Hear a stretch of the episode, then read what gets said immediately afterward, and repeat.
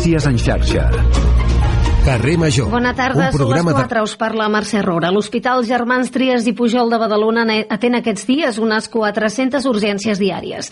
D'aquestes, més d'un centenar fan referència a patologies respiratòries. Des del centre han constatat un increment dels casos en aquest servei al mes de desembre respecte a l'any anterior, així com també un augment de les hospitalitzacions. Es preveu que el pit de contagis arribi entre aquesta setmana i la propera. Ens en donen més detalls des de Ràdio Ciutat de Badalona. Segueix creixent la incidència del conjunt de les infeccions respiratòries. A Catalunya la grip és la més freqüent, amb gairebé un 39% de les mostres, seguit del rinovirus, és a dir, els refredats, la Covid i els virus respiratoris sincicials. Des del centre hospitalari apunten que la tendència ascendent es registra des de fa unes 3 setmanes. En diferents serveis com pneumologia o malalties infeccioses, els pacients atesos s'han arribat a duplicar en moments concrets. Pel que fa a les urgències, en dies puntuals han arribat a les 500, però tot i així puntualitzen que es troben una xifra habitual en aquesta època de l'any. Javier Santas Masas és el director mèdic de l'Hospital Germans Trias i Pujol de Badalona. Más o menos las urgencias que se atienden cada día están dentro de los rangos que se esperan para estas fechas. Sí que es verdad que de forma puntual hemos llegado a tener casi algunos días hasta 500 urgencias en un solo día, que eso es una barbaridad y sí que supone una tensión para tanto para los servicios de urgencias como para después pues la hospitalización convencional. De todo lo que acaba viniendo urgencias ingresa aproximadamente un 10%. Últimamente pues la verdad es que las tasas de ingresos son superiores. ¿eh? Hay días que nos hemos movido en tasas que están alrededor del 15%, aunque no, no és lo habitual. Es tracta d'una tònica extensible a tot Catalunya. De fet, apunten que la situació es pot allargar dues o tres setmanes més. Precisament avui el diari oficial de la Generalitat de Catalunya ha publicat l'obligatorietat de dur mascareta als centres i als serveis sanitaris durant 15 dies eh, naturals. Alguns apunts, el 2023 va ser l'any més càlid al món des que hi ha registres, ho ha confirmat aquest dimarts el Servei de Canvi Climàtic de Copernicus, que atribueix l'escalfament global principalment als gasos de l'efecte hivernacle. La temperatura mitjana global de l'any passat va ser de 14 amb 98 graus centígrads, és a dir, 1,48 graus més per sobre dels nivells preindustrials a l'any 1850 al 1900. Acabem amb un apunt de cultura. L'aclamat tenor eh, Javier Camarena engega aquest dimecres al Palau de la Música la gira Sonyo Tosti Songs que el portarà a l'Auditori de Girona el proper diumenge. És tot de moment. Tornarem amb més notícies. Gràcies.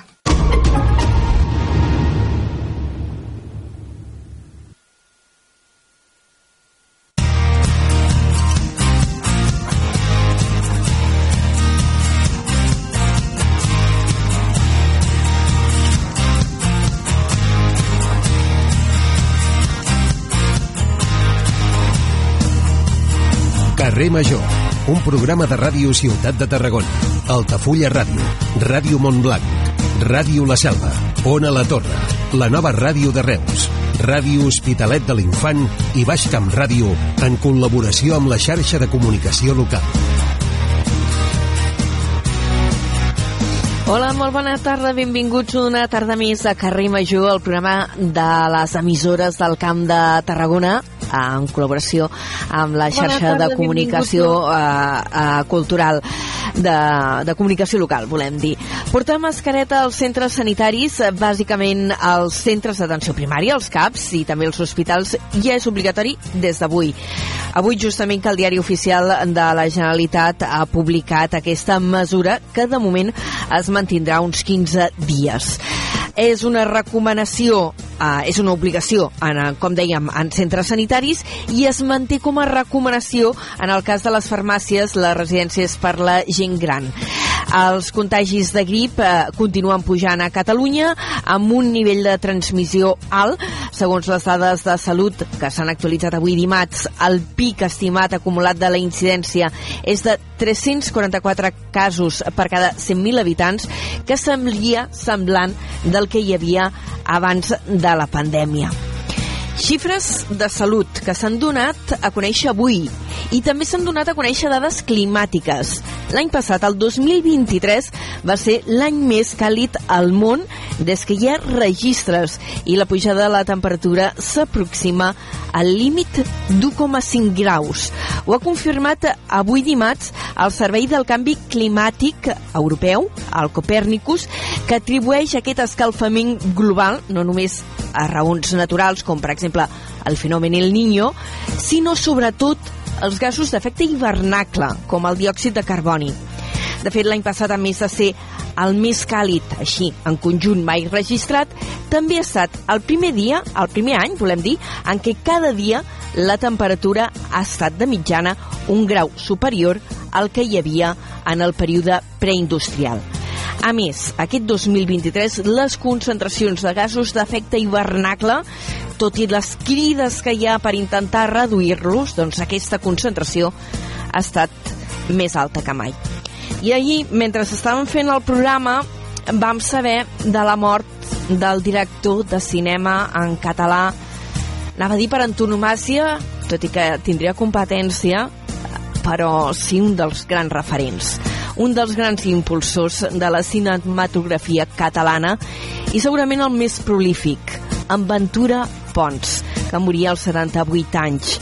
Tot just fa una mica més de mig any, el Festival Internacional de Cinema en Català, el FICCAT, que es fa a Roda de Barà, li concedia el Premi d'Honor Montserrat Carulla.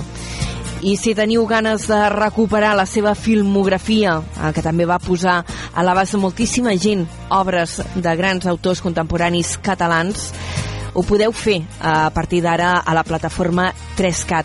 Allí, per exemple, trobareu l'adaptació de Forasters de Sergi Balbel o dels Mil cretins de Quim Monzó. Això és eh, Carrer Major, som les emissores del Camp de Tarragona, us acompanyem tot l'equip que fem aquest programa des de 8 emissores del territori. Som l'Iri Rodríguez, l'Aleix Pérez, en David Fernández, la Gemma Bufies, la Cristina Artacho, l'Adrià Requesens, en Jonai González, avui també l'Eric Rosique, en Pau Corbalan, l'Antoni Mellado, Antoni Mateos, jo mateixa, que sóc l'Anna Plaça, i el control tècnic que hi tenim, el Iago Moreno. Comencem.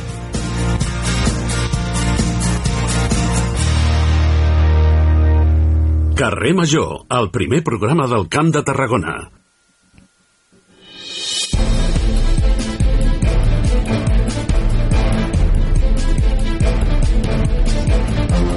Quatre i set minuts, moment ara de repassar en forma de titulars les notícies més destacades del dia al Camp de Tarragona. Ho fem amb l'Eric Rosique. Bona tarda, Eric. Bona tarda, Anna. El Diari Oficial de la Generalitat ha publicat avui l'obligatorietat de dur mascareta als centres sanitaris durant 15 dies, una decisió que s'ha pres davant de l'increment d'infeccions respiratòries. De fet, es tracta d'una mesura temporal que inclou els centres d'atenció primària, els hospitals i també els centres sociosanitaris. De moment, és només una recomanació al seu ús en farmàcies, residències i espais on conviu gent gran. La patronal tarragonina, la Confederació Empresarial de la província de Tarragona, s'ha posicionat en contra de la proposta del Ministeri de Sanitat de baixes automàtiques de 3 dies per afeccions lleus. Amb aquesta mesura es vol reduir la pressió a l'atenció primària davant aquest increment exponencial d'infeccions respiratòries durant les darreres setmanes. Avui ha sigut la primera nit d'activació de l'operació Iglu a Tarragona, una operació de suport per atendre les persones sense sostre davant d'aquestes baixes temperatures. De fet, un total de 10 persones han sigut ateses per donar-los un oferiment d'allotjament provisional o, en cas que ho rebutgin, també de mantes i beguda calenta. La Universitat Rovira i Virgili ha aconseguit baixar el nombre d'estudiants de grau que abandona la carrera durant el primer curs. Es redueix un total de 5,6 punts en 3 anys des que es va crear un nou protocol l'any 2018. S'ha passat del 20% a una mica menys del 15%. La Marató de Donació de Sang de Catalunya que organitza el Banc de Sang i Teixits eh, vol arribar a assolir les 10.000 donacions al conjunt del país. Una campanya que començarà el proper 11 de gener i es veu que al llarg del 2024 més de 70.000 persones necessitin rebre sang que es troben ara mateix en nivells perillosament baixos.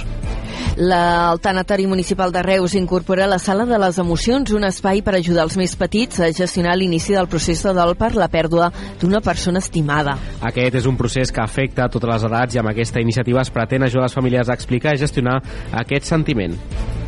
El Palau d'Esports Catalunya a Tarragona acollirà per primer cop el Campionat de Catalunya de tir marc per equips. I també parlarem en cultura que el Teatre Fortuny de Reus inicia el cicle Reflexions en Obert que proposa reflexionar al voltant de diversos espectacles que es poden veure al llarg de tot el primer semestre del 2024. Notícies que ampliarem d'aquí mitja hora una miqueta més. Eric, tornarem a parlar llavors. Fins ara, gràcies. Fins ara.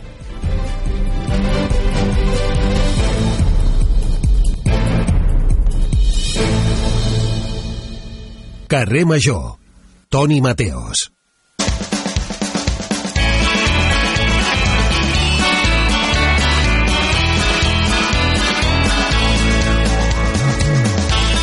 Evening, Mateos. Com has dit? Evening, però no, seria més aviat afternoon, no? Good afternoon. Ah, good afternoon. Sí, no? Good afternoon. Jo vaig escriure, quan vaig, quan vaig, jo vaig fer d'oper a Anglaterra i vaig estar vivint una temporadeta. Molt guai, eh, per cert. Són... Jo, jo, Ai, jo d'oper no, jo vaig estar treballant en un supermercat. Doncs mira, doncs jo cuidant canalla. I, i Molt no sé guai, per què t'ho deia. guai. Vaig descobrir que no deien good morning, sinó que diuen morning. Morning. Morning, directament. I a la Morning, nit no diuen sí. good night, diuen night night. Honey. Que és molt I, bonic. i, Night I night. el hello tampoc ho diuen, no, ho diuen, diuen hiya. I Hiya. Hiya, hiya. Lo que tu me digas, no? Lo que tu me digas, clar, jo estudiant tota la vida anglès, hello, hello, i arribes allà, fan Hello, hello, hello. i fan hiya, hiya, i tu, bueno. No, no, tothom, Doncs, tothom que, que estudia anglès, allò que vol... Digues. Que, tothom que vol que estudia anglès o que vol perfeccionar el seu anglès hauria de passar una temporada a, a Anglaterra, però en un lloc xungo, com jo, que vaig estar a Leeds, que allà no diuen bat, allà diuen boot, no diuen bus, diuen bus, o no diuen eh, afternoon, diuen afternoon. És molt, molt, molt... Jo, jo vaig viure al sud, eh? I allí parlaven molt clar i un anglès tan canònic, era tan bonic, tan Jo era al britànic. nord, al nord, tocant a Escòcia, allò era... Uf, uf, uf. allò era... Era dur, era dur. Era dur, sí, sí, amb 19 anyets el Mateos allà. Ai, que Tres jovenet, mesos. era una Vaig mica més tornar gran. ràpid, eh? Uf! ja m'imagino. Jo m'hi hagués quedat, eh? I jo, jo ara me quedaria. Ara t'hi quedaries. Sí. I jo m'hi hagués quedat perquè a més estava molt a prop de Londres i Londres no te l'acabes, o sigui que... No, no, no. no. Jo estava, jo estava a Leeds i allà l'únic entreteniment era una bolera i vinga, i, i, i jugar i, i beure cerveses, pintes de cerveses i jugar als dats. Mira, abans que ens avancis el contingut de les 5 Sí, de la tarda, diré una fricada, perquè jo vivia a tocar de Winchester, que és on es conserva, diuen, diuen, diuen, la, la mesa redonda, la taula rodona del rei Artur. Vaja, I jo l'he vista. I la tinc la fotografiada. I tant. Molt bé, Superguai. molt bé, molt bé. Diuen, diuen, Jo- diuen, què és? Diuen, diuen, diuen. Jo vivia a Leeds, eh, bueno, en un, poble, en un poblet al, molt a prop de Leeds, i allà hi havia un observatori eh, de les estrelles, per les estrelles. Oh, que xulo. Mira, I, com aquí, al Montsant. Leeds i aquestes coses, sí, sí. Perfecte. Escolta, que ens diuen que a Reus ja tenim la nostra convidada, que, per cert... Ah, no, hola, la Noemí Llaurador encara no hi és, quan estigui a Visa, pujant, tot ok.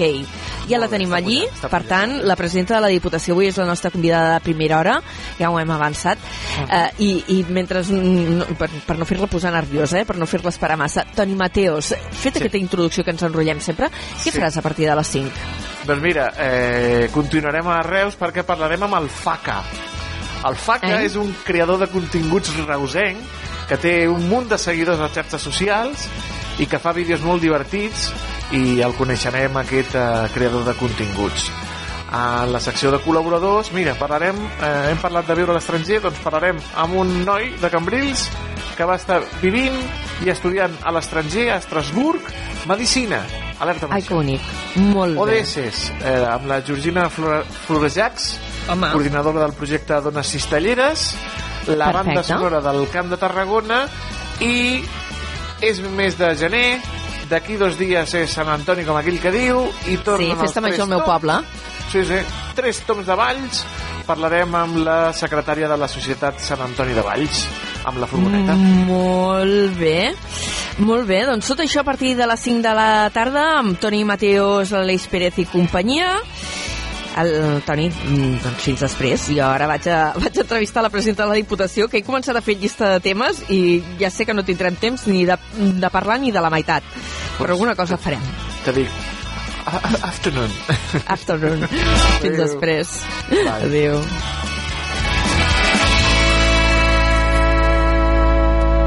Tot el que passa al Camp de Tarragona t'ho expliquem a Carrer Major.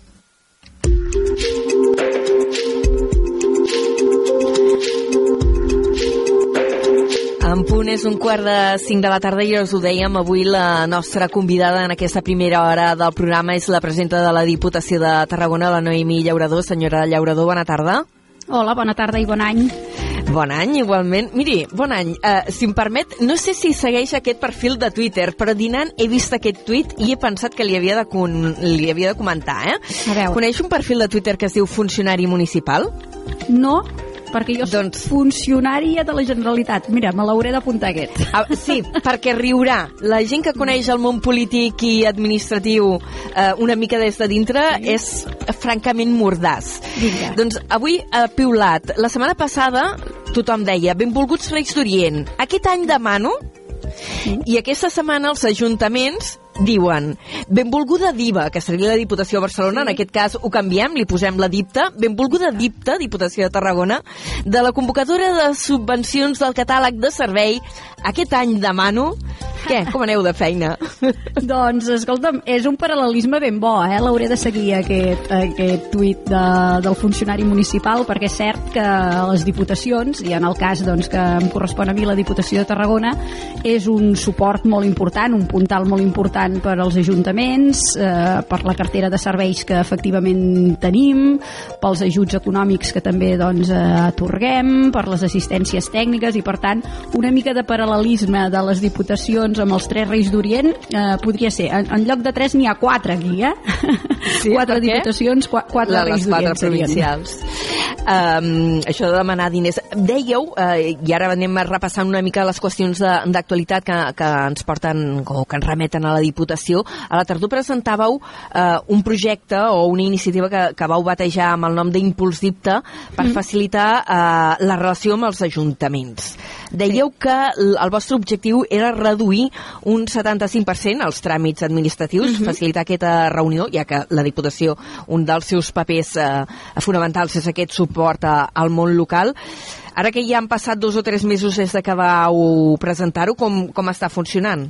Bé, encara no està en funcionament, vam fer la presentació, primer calia doncs, eh, també aprovar els pressupostos per començar a dotar doncs, aquesta nova eina de cooperació que significarà un abans i un després. Jo sempre ho dic eh, de la manera que tenim de relacionar-nos com a Diputació amb els diferents ajuntaments i que ha estat sobretot fruit d'escoltar els alcaldes, les alcaldesses, els regidors i regidores, aquest món local, de quines són les necessitats eh, que tenien en relació amb la Diputació i sobretot un reclam que era bastant unànime de dir hauríem de mirar de simplificar al màxim els tràmits perquè sobretot en ajuntaments molt petits en què sobretot els tràmits els acaben fent doncs, possiblement els mateixos regidors, regidores, els alcaldes i les alcaldesses doncs, segons com participar en convocatòries d'ajuts, de subvencions, no només de la Diputació sinó també d'altres administracions en les quals poden concórrer representa realment un treball molt feixuc. I per tant si trobàvem un mecanisme que ho pogués simplificar i que poguessin assolir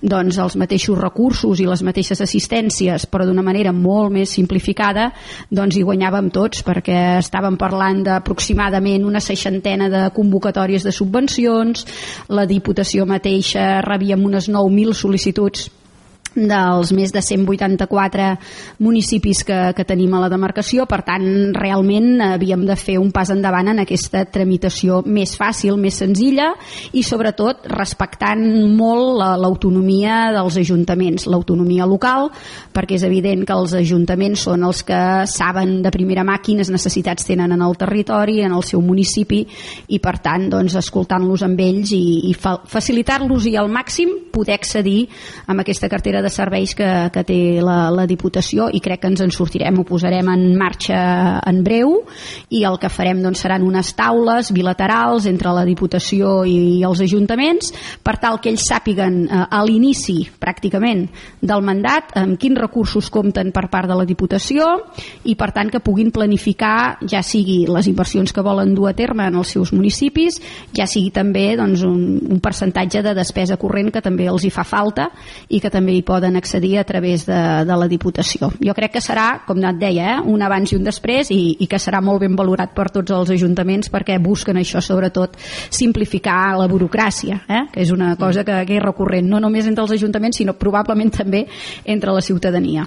Eh, de fet, aquí anava jo, perquè a banda de fer aquesta tasca de suport als ajuntaments, la Diputació també eh, té unes importants línies de subvencions entitats, entitats esportives, culturals, a l'àmbit social, i quan aprovàveu els pressupostos també una de les coses que vau manifestar és que eh, volíeu facilitar l'accés a aquestes línies de, de subvencions i avançar-ne la resolució, no? perquè enguany, per exemple, i ara ja par, eh, li plantejo un cas personal, formo part d'una entitat de, de Vilaseca que ens va arribar la subvenció eh, per programar teatre a finals d'any i dius, ostres, però ara si ara ja tenim eh, tancada la programació, no? I et trobes amb, amb desajustos sí. d'aquests. Això se pretén corregir. Exacte, és el fet de poder disposar ja doncs, de les partides corresponents a l'inici de, de l'exercici per tal de que les convocatòries surtin molt abans, això en el cas de les entitats, eh? els ajuntaments ja et dic anirem per aquesta altra via, que és un mitjà de cooperació i que per tant va per una altra via, eh? però pel que fa a les entitats, doncs convocar el més aviat possible per tal doncs, de que eh, puguem resoldre també quan abans millor i que les entitats, doncs, si bé segurament han d'avançar els diners uns mesos abans que no hagin d'esperar eh, doncs, massa més eh, per tal doncs, de, de cobrar la subvenció per part de la Diputació. En som conscients perquè doncs tots els diputats i diputades que som a la Diputació som regidors, regidores, alcaldes o alcaldesses dels ajuntaments, ens passa el mateix en els ajuntaments en relació amb aquestes entitats i quasi tots també, poc o molt estem vinculats amb entitats i, i sabem de les dificultats que les entitats doncs, també també tenen i hem d'empatitzar-hi i hem de facilitar la vida, que per això també estem, que ja és prou complicada de per si, no? déu nhi eh, Parlant d'aquests pressupostos, els vau aprovar a principis del mes de desembre, pujaven més més de 200, eh, ho dic de memòria, eh, en més de 200 eh, milions d'euros, em sembla que 208. Sí, 208, sí, sí. Eh, amb un increment del... perquè no m'ho havia apuntat al guió, dic, tiraré de memòria perquè sóc així de xula. Vas bé, vas bé. Eh, S'havien incrementat un 10%, eh, gràcies a què és possible aquest increment?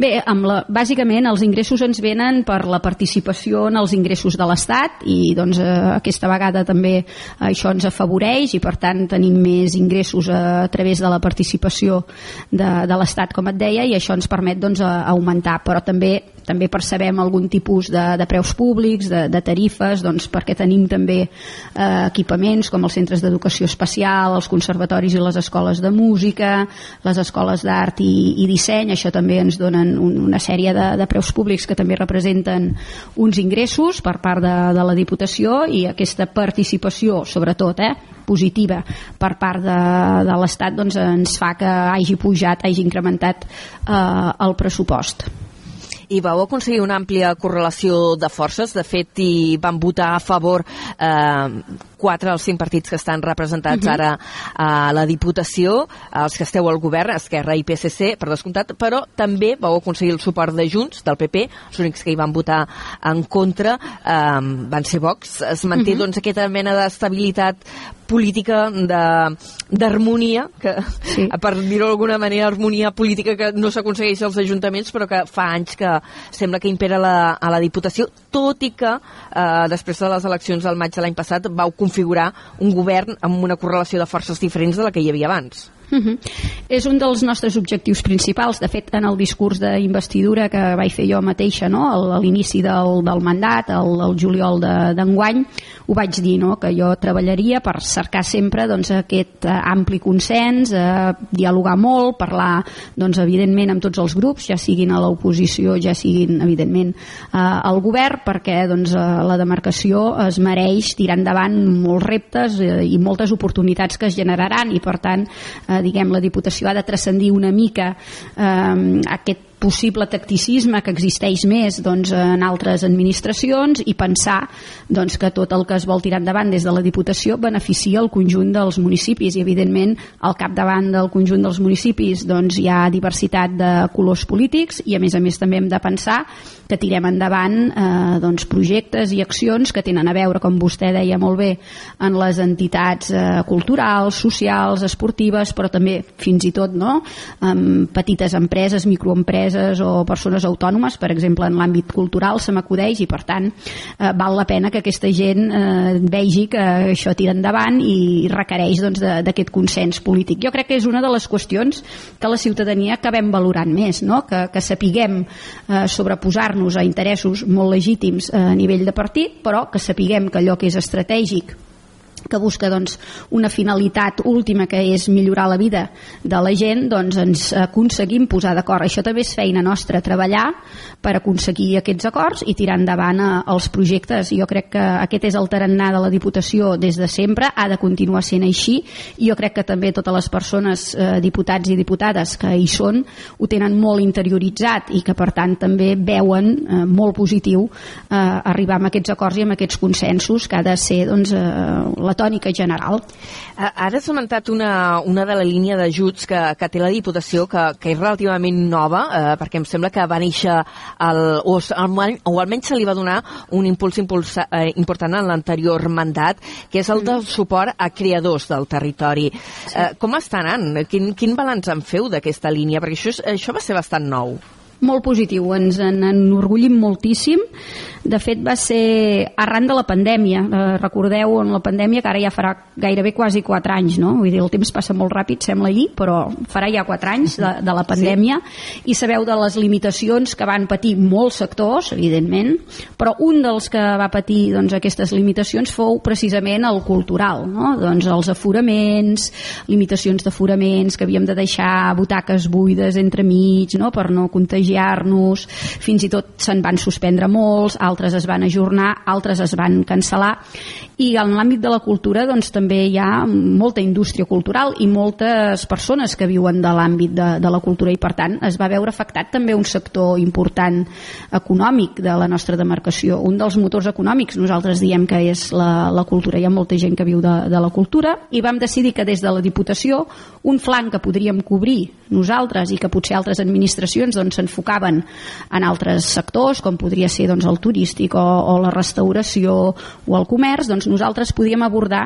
aquest altre franc que era el, el, de, el de la cultura. I llavors vam treure aquestes línies d'ajuts per a microempreses, per tant empreses molt petites i persones autònomes de l'àmbit cultural. I això ho vam ho vam lligar tot eh, a través de videotrucades, tots els diputats i diputades, recordo el diputat de Cultura en aquell moment, el senyor Jordi Cartanyà, que va fer aquesta proposta, la van veure bé i també de manera consensuada doncs, eh, va formar part també d'una mena de pla de reactivació mm, de, de l'economia de la nostra demarcació, enfocada sobretot en l'àmbit de la cultura. I això ja es va quedar. A partir de llavors, doncs, no només va ser per, per, pal·liar no?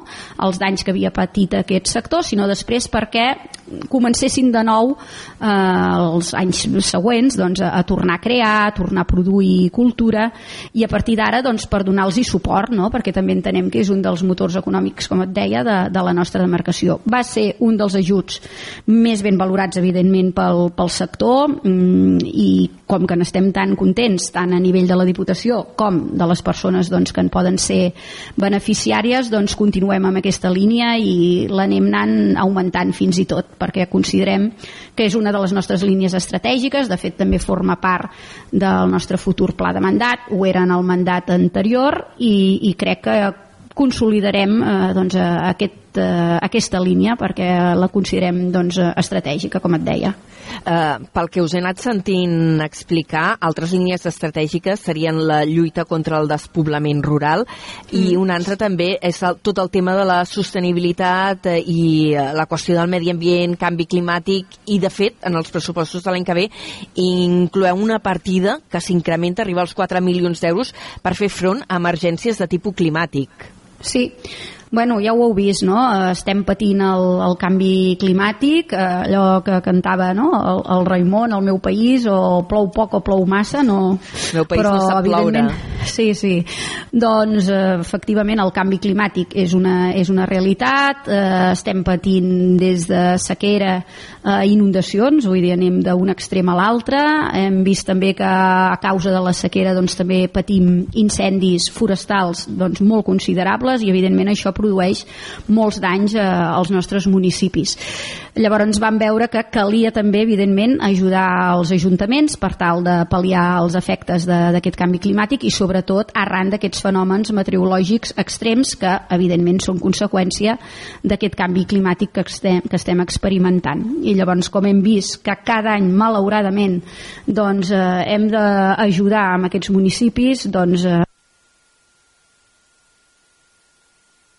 2024 hem considerat que calia dotar-la de manera molt significativa eh, amb aquests 4 milions d'euros. Tant de bo no l'hàgim d'exaurir, de, però eh, més val doncs, eh, ser previnguts, de disposar-la i, que, i que puguem col·laborar doncs, amb els municipis, per tant doncs, que puguin reparar danys. I no només per tal de reparar els danys, sinó fins i tot per prevenir-los, no? mirar d'adequar-nos al màxim amb aquests fenòmens que ens poden venir i que siguin el més lleus possibles dins de, dins de, la, de la gravetat que poden ocasionar.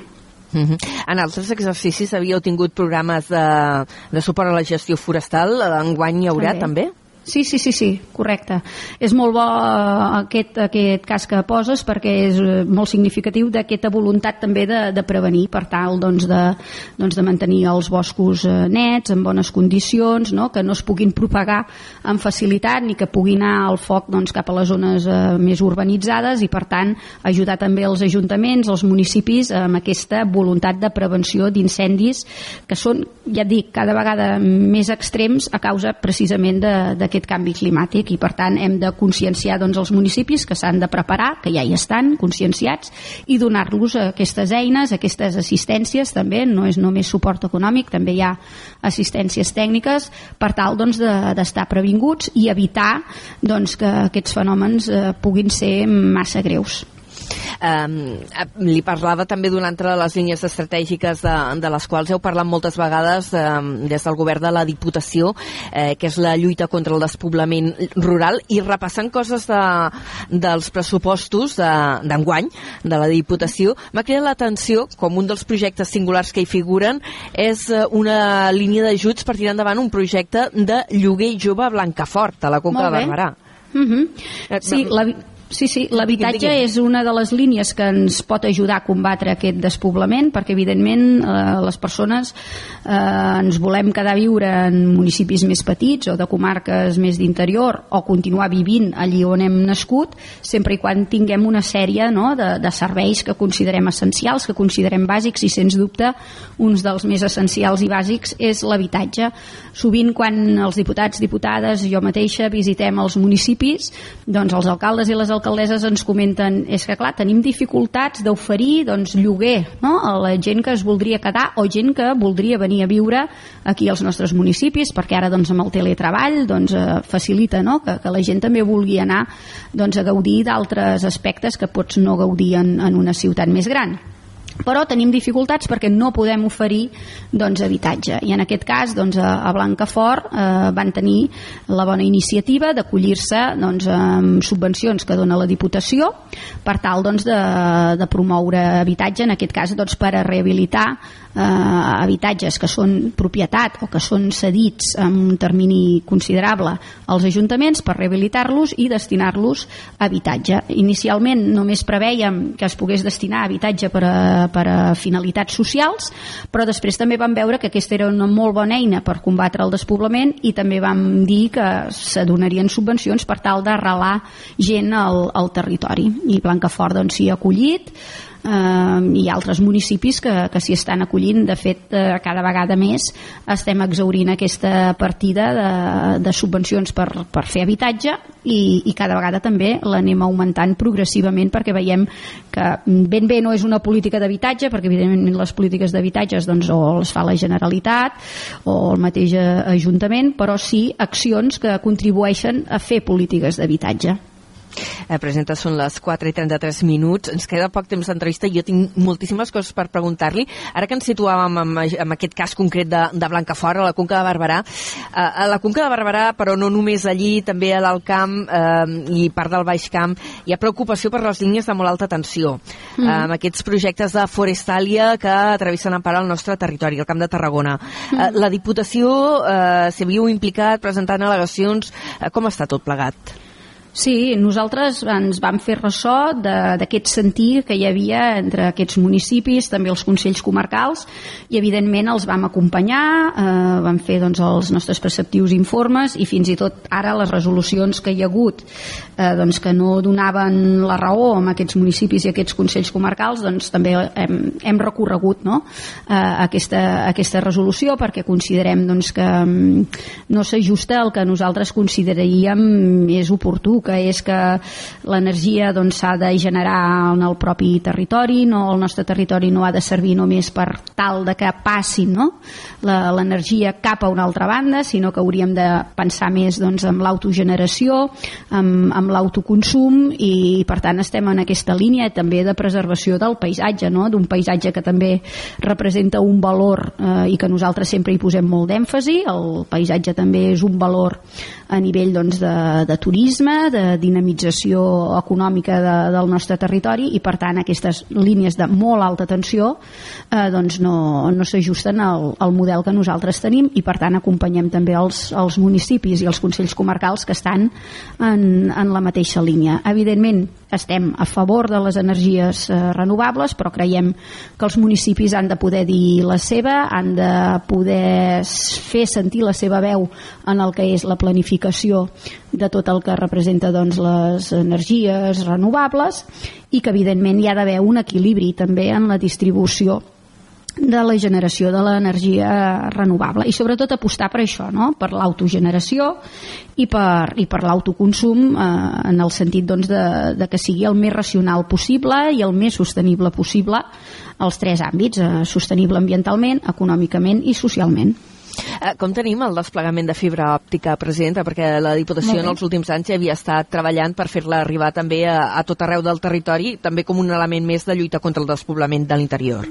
Uh -huh, efectivament, uh, si bé uh, abans et parlava no, de, de l'habitatge com una de les eines que tenim, evidentment també les bones connexions, no només físiques sinó també virtuals, eh, possibiliten no, uh, combatre aquest despoblament perquè permet doncs, que les empreses es puguin instal·lar, ubicar, les persones autònomes també, uh, amb independència doncs, de, de que el municipi sigui més gran o més, o més petit, sempre que estigui ben connectat i que et permeti doncs, dur a terme la, la teva activitat. I en aquest sentit és impressionant imprescindible, evidentment, la fibra òptica, amb el qual doncs, també tenim un conveni amb la Generalitat de Catalunya que vam signar en el mandat passat i que ens permet doncs, que la Generalitat de Catalunya pugui desplegar fibra òptica pública a través de les nostres carreteres. Nosaltres en les nostres carreteres, de la xarxa de carreteres de la Diputació de Tarragona, doncs deixem eh, el pas suficient perquè hi passi un conducte i aquí es pugui desplegar la, la fibra òptica i, i connectar doncs, a tots els municipis amb independència de que sigui una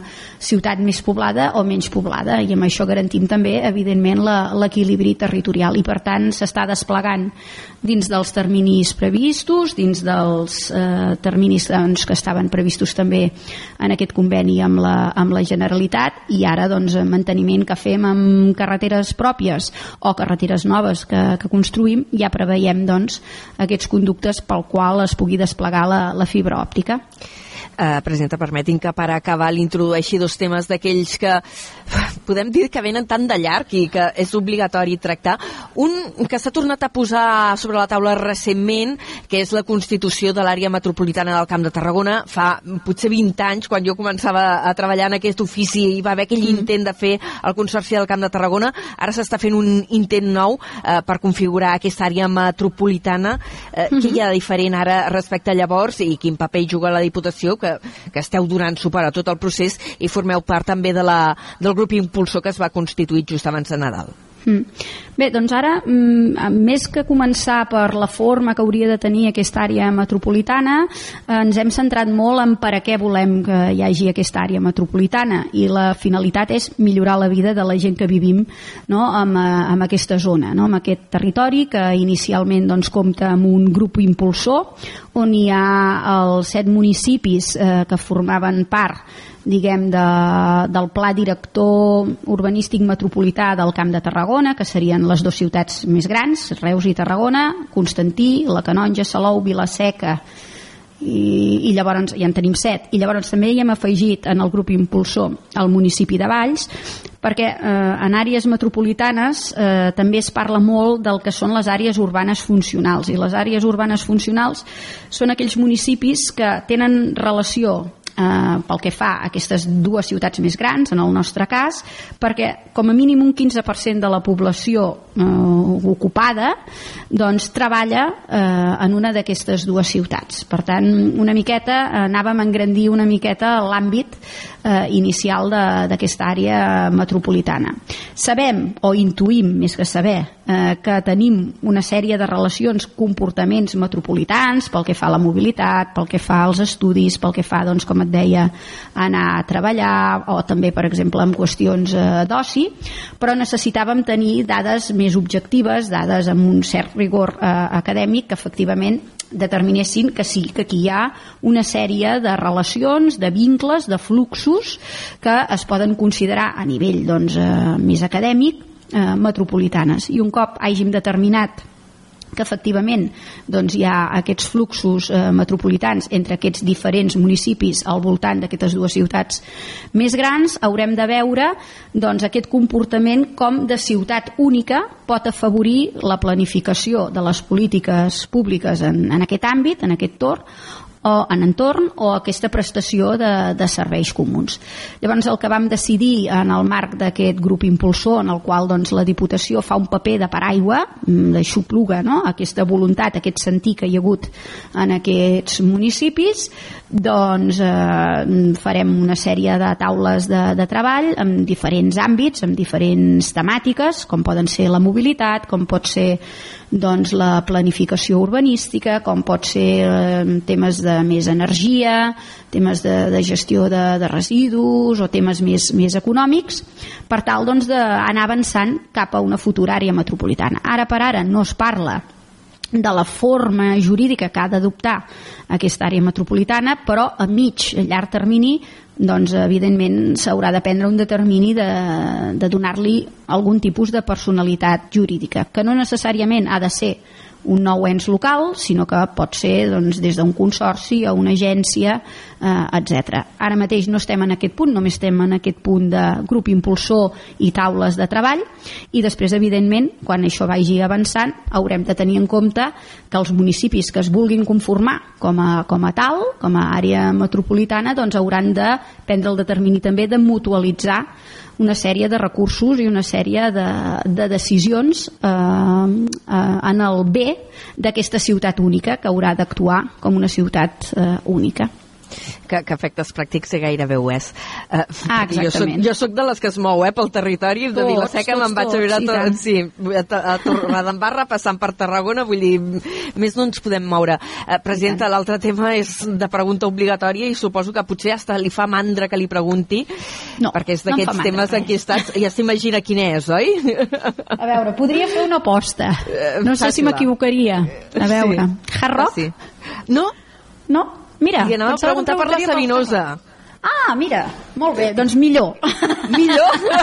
millor, no, millor, m'agrada més la És igual, és igual, també. Com que és, té la pilota la patata, calenta la té la Generalitat, i ja quan tornem a preguntar amb algú de la Generalitat ja els hi preguntarem, que la cosa molt sempre enquistadeta. Molt bé, molt bé. El tema és Sabinosa, perquè l'any sí. passat eh, presentàveu eh, el que us agradaria fer-hi, eh, mm -hmm. la voluntat de la Diputació seria fer-hi un gran hub eh, cultural. Sí. Ja vau dir que això, però, aniria per llarg que s'havia de buscar finançament i que a priori el que es volia fer a partir d'enguany era començar a recuperar el camí de ronda. Com ho sí, tenim senyora. tot plegat? Molt bé, doncs mira, Traxa, que és l'empresa pública de l'Estat, eh, que és mitjà propi de, de la Diputació, està en aquests moments ja redactant el projecte del camí de ronda i la voluntat és que de cara a l'estiu, si tot va bé, doncs ja comencen a iniciar-se les obres que podrien estar acabades doncs, el, el 2025, de manera que començaríem eh, amb molt bon peu a, a aquest mandat per poder doncs, eh, facilitar el pas per a, per a vianants, no només per als tarragonins i tarragonines, sinó que evidentment pensem en el conjunt de, de la demarcació i també a nivell turístic també seria molt, molt propici doncs, disposar d'aquest camí de ronda que a més a més eh, ens l'executaria Costes per tant De l'Estat? i, i finançat doncs, eh, per ells, perquè tenen uns fons Next Generation que ho afavoreixen. Eh, nosaltres financiaríem el que és el projecte i després el manteniment d'aquest camí doncs, el faria l'Ajuntament, no? l'Ajuntament de Tarragona.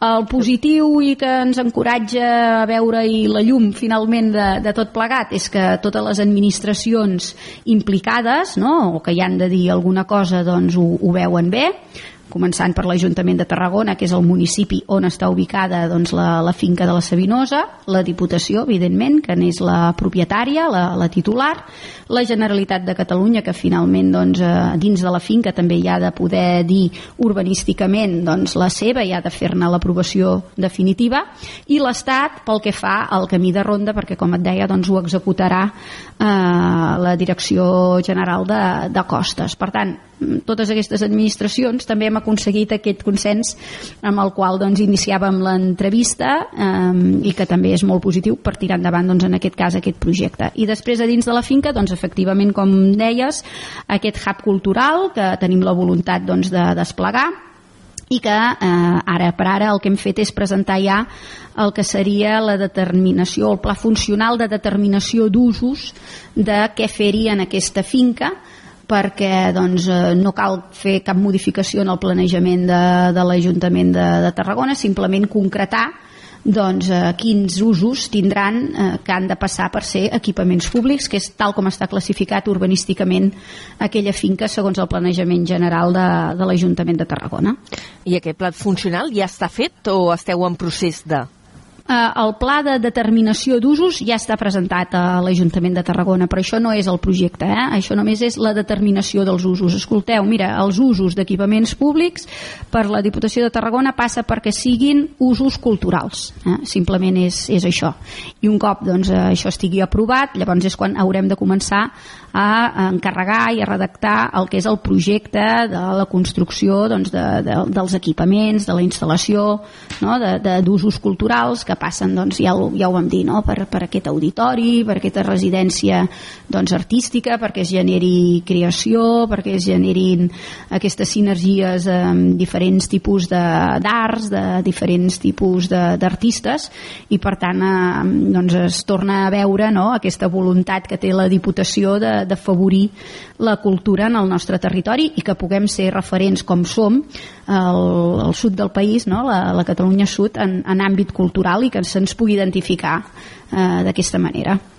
Això va més a, a llarg termini i com que va més a llarg termini segurament tindrem ocasió en altres programes de tornar-ne a parlar amb la, amb la presidenta de la Diputació de Tarragona que ens ha acompanyat eh, avui a Carrer Major. Li agraïm moltíssim la confiança que hagi vingut al programa i com que ens han quedat coses al tinter ja, ja la tornarem a convidar un altre Molt dia. bé, Moltíssimes gràcies, a volta- vosaltres, eh, serà un plaer. Moltes gràcies. Fins la propera. Gràcies, Déu. Fins la propera. Carrer Major, al Camp de Tarragona, des de ben a prop. Són les 4 i 47 minuts, poquet temps ens queda per l'informatiu. Avui ens hem allargat una mica més del compte amb l'entrevista. Saludem de nou l'Eric Rosique per fer les notícies. Eric, bona tarda. Bona tarda, Anna.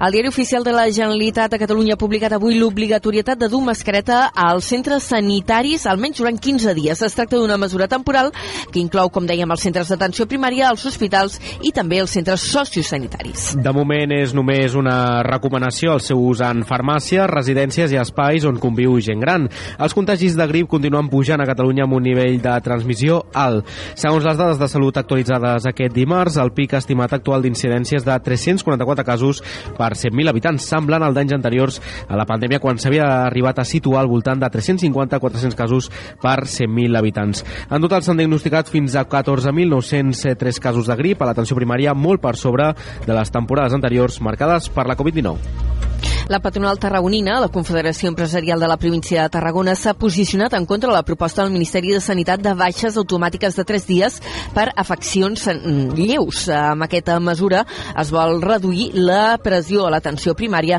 davant de l'increment exponencial d'infeccions respiratòries durant, com dèiem, aquestes darreres setmanes. El nou president de la CEPTA, Xavier Rigau, que va accedir al càrrec a la tardor, considera que aquesta proposta és desencertada perquè pot derivar en un increment de l'absentisme laboral, una qüestió que ja ja preocupa l'empresariat. Hi ha el tema dels absentisme laboral, vull dir que ara ha sortit aquest matí sortia la idea de que el, el, els, els treballadors se poden fer una autobaixa de tres dies, de la qual encara si teníem absentisme doncs això es pot disparar perquè clar, sense cap eh, prescripció metge ni res doncs el, el, els tres primers dies que són els que paguen les empreses doncs els treballadors poden, no se poden, donar, poden fer una baixa i això és impensable en una entrevista al programa Carrer Major, el president de la CEPTA també s'ha mostrat escèptic amb les negociacions entre govern, patronal i sindicats per incrementar el salari mínim interprofessional. Rigau adverteix que un increment de sou sumat a la inflació pot afectar els comptes de resultats de moltes empreses. Però hi ha moltes feines que són molt intensives en personal i aquest, i aquest increment d'un punt o dos punts de, que se't desvi eh, pot ser perdre o guanyar. Per tant, és molt important. El que passa és que el, el govern no ha fet eh, una mica d'amagatotis perquè ho posa dintre de la, de la votació i posarà també, doncs, clar, que unes coses que són populars, que, que és, doncs, no pujar el dia dels aliments o de l'electricitat i coses d'aquestes, i llavors, clar, qui diu que no amb això, no? En clau territorial, el president de la CEPTA ha lamentat que s'hagi prohibit el pas de tots els camions de mercaderies perilloses pel nou túnel del Coi de l'illa. Rigau ha assenyalat que el ventall de productes és molt ampli, n'hi ha que comporten pocs riscos i es podrien fer excepcions. A Tarragona Ciutat avui s'ha activat, o és la primera nit en què ha funcionat eh, l'operació Iglu per atendre les persones sense sostre durant aquests dies de fred intens. Un total de 10 persones han sigut ateses per donar-los un, un allotjament provisional o en cas que ho rebutgin de mantes i beguda calenta. Des de Ràdio Ciutat de Tarragona ens ho explica la Cristina Artacho. Amb motiu de la previsió de baixes temperatures nocturnes, l'Ajuntament de Tarragona ha decidit activar la fase 2 de l'operació Iglu. Aquest dilluns a la nit va tenir lloc el primer dispositiu de recerca i atenció a persones sense sostre, consistent en l'oferiment d'allotjament provisional en un establiment o centre d'acollida i en el cas que ho rebutgin oferir-los mantes i beguda calenta.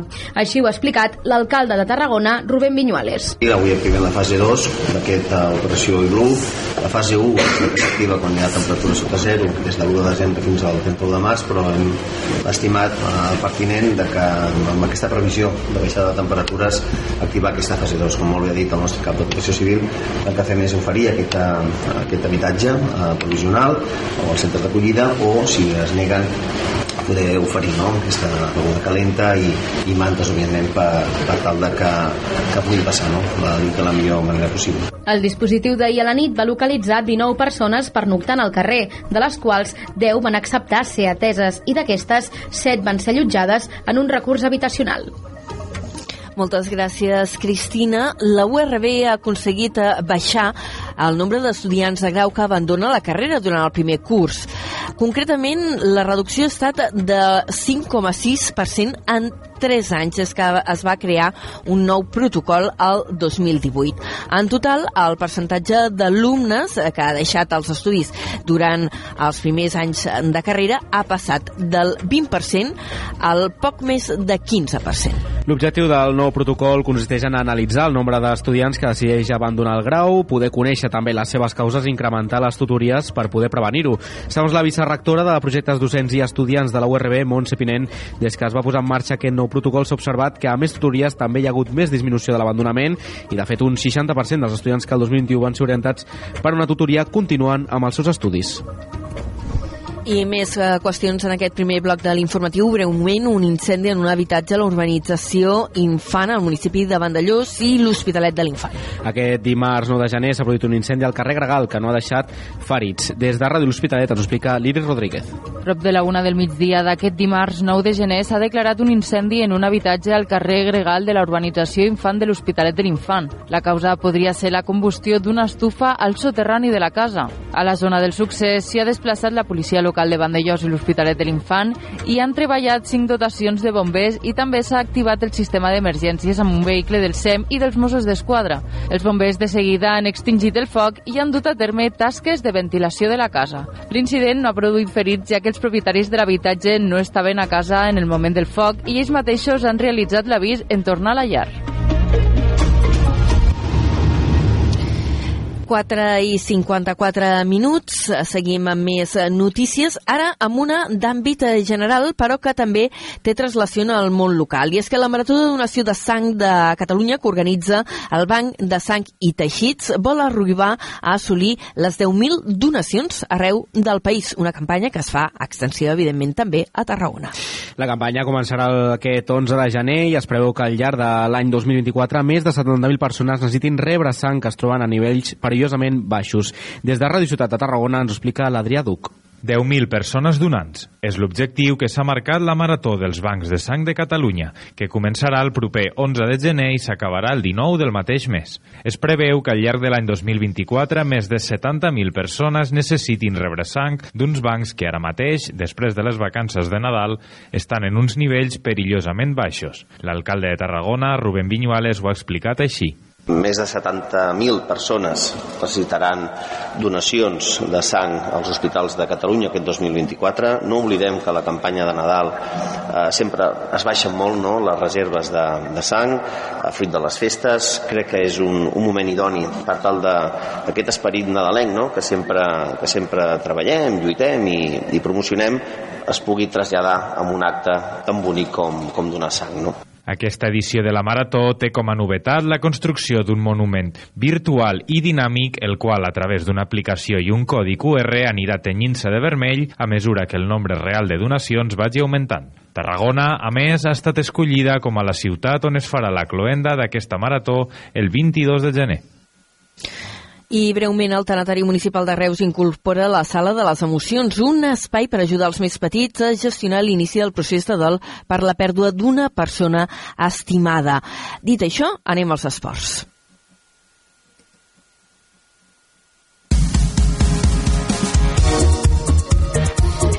Aquí un salt de guió impressionant, amb sintonia d'esports i parlant del Dakar, perquè el ballenc Albert Martín ha aconseguit el triomf en la quarta etapa del rally. D'aquesta manera continua tercer en la general, però tan sols 5 minuts del segon classificat, Jerome Martín, i a mitja hora el líder, Tobias Epster. I d'altra banda, el Palau d'Esports Catalunya acollirà per primer cop el Campionat de Catalunya de tir a marc per equips indoor. L'esdeveniment també ha batut el seu rècord de participants, aplegant un total de 38 equips d'arreu de Catalunya. I breument, en cultura i no cal ni fer canvi de sintonia, només us apuntem que el Teatre Fortuny de Reus inicia el cicle Reflexions en Obert que proposa eh, comentar eh, diversos espectacles que es podran veure al llarg d'aquest primer semestre de l'any. Un cicle que, per cert, començarà el dia 11 de gener amb una xerrada a les 6 de la tarda amb Marc Joan Pere en què s'abordarà la qüestió de la hipersexualització entre els infants. Fins aquí la primera hora de carrer Major. Adéu.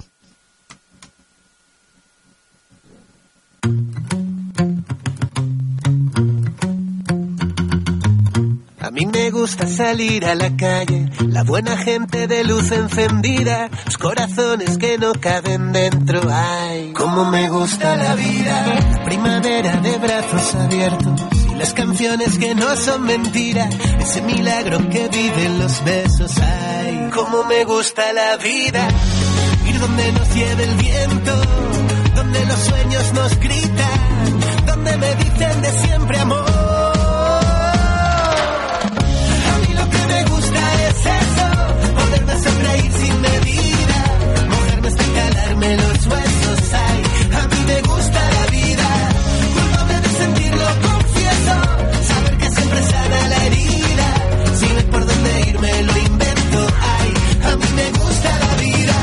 me gusta, me gusta, me gusta, me gusta, me gusta la vida, me gusta, me gusta, me gusta, me gusta, me gusta, me gusta la vida. A mí me gusta vivir el momento, robarle tiempo a cualquier despedida, salir detrás si alguien sale corriendo. Ay, cómo me gusta la vida, saber que sientes lo mismo que siento, saber jugar y empatar la partida, saber también escuchar el silencio. Ay, cómo me gusta la vida, ir donde nos lleve el viento, donde los sueños nos gritan, donde me dicen de siempre amor.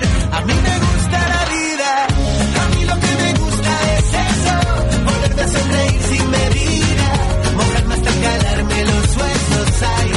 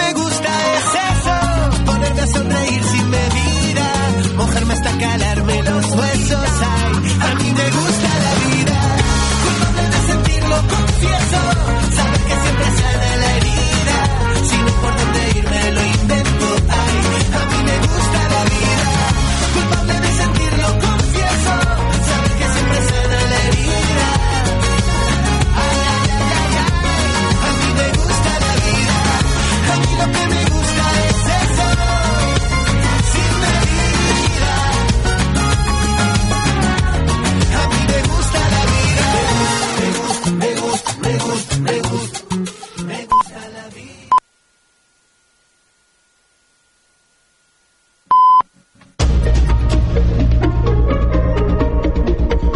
Notícies en xarxa.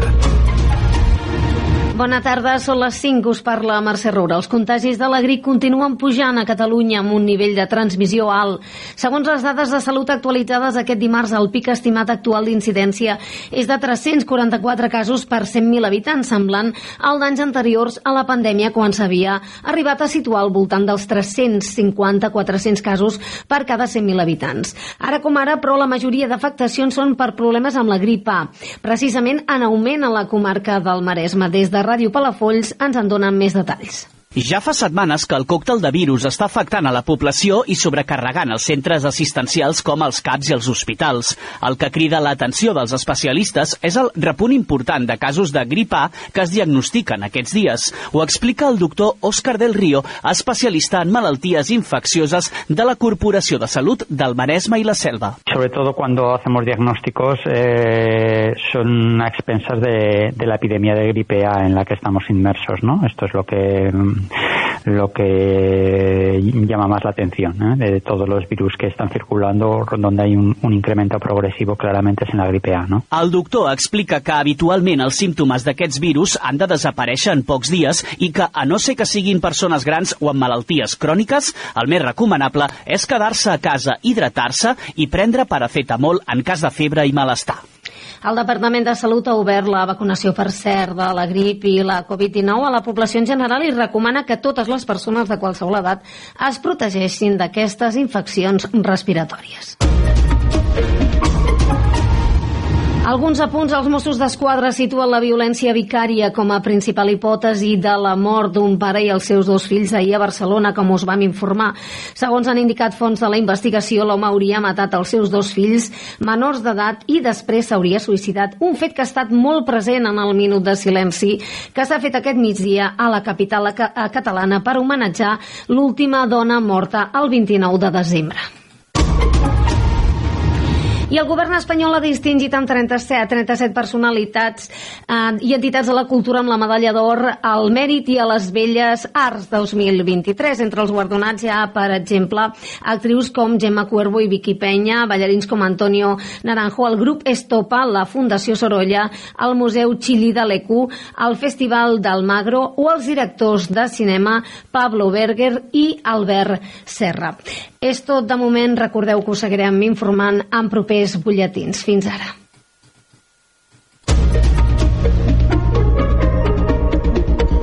Notícies en xarxa.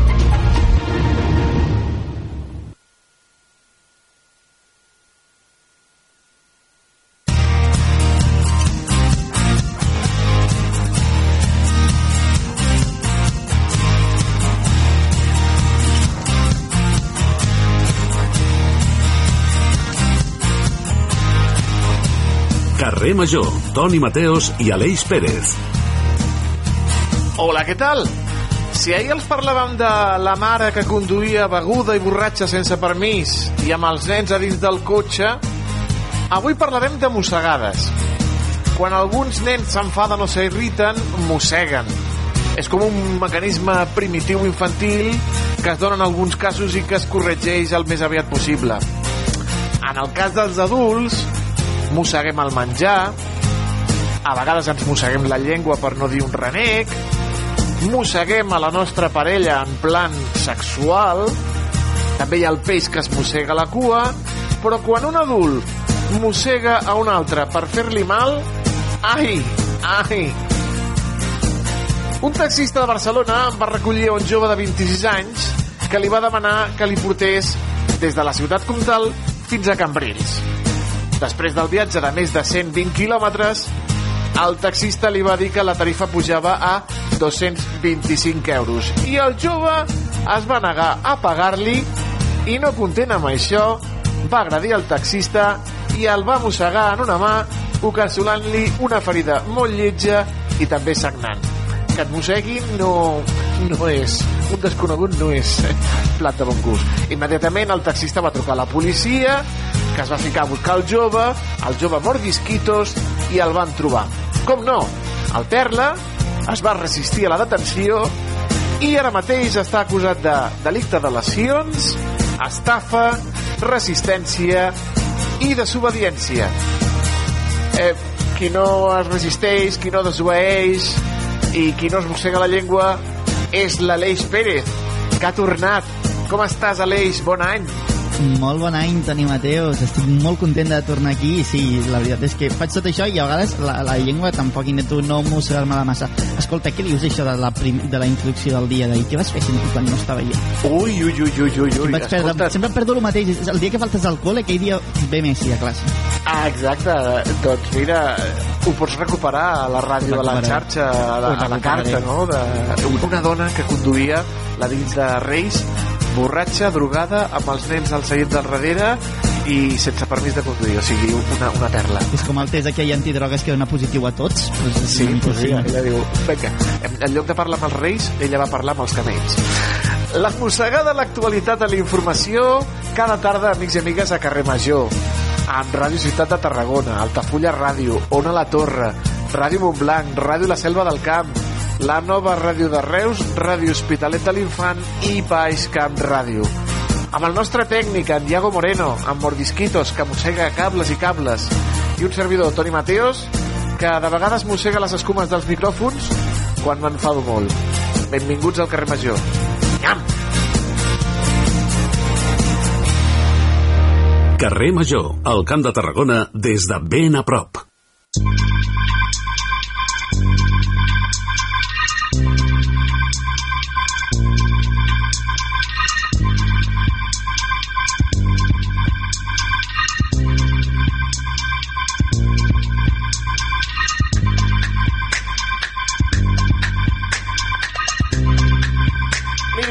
Setmanes estava fent una de les coses que més agrada fer als reusencs, que és eh, passejar per les botigues del centre.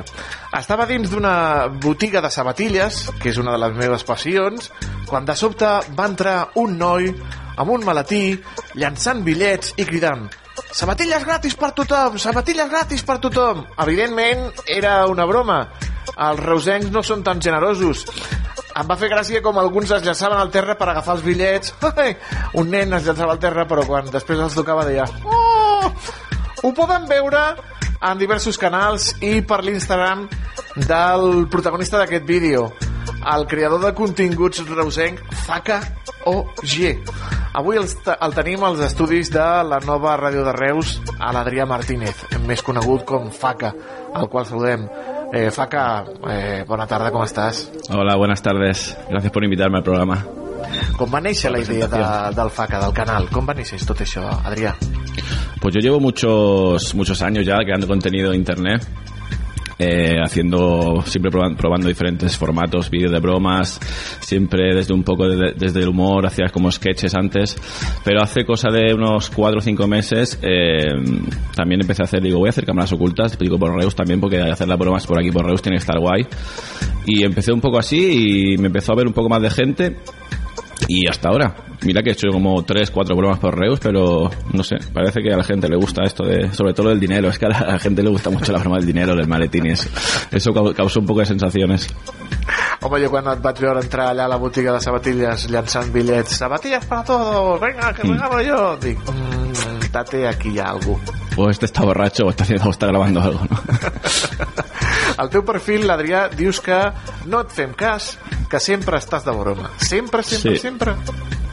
Sí, hombre, bueno, siempre al 100% no, ¿no? Pero intento tomarme la vida un poco así, siempre a broma. Y imagino también será un poco, un poco una coraza, ¿no? Pero sí, yo creo que la vida hay que tomársela un poco con humor y, y bueno, tomársela. Sí que obvi- obviamente hay cosas de las que en vez de preocuparse, ocuparse, pero no sé.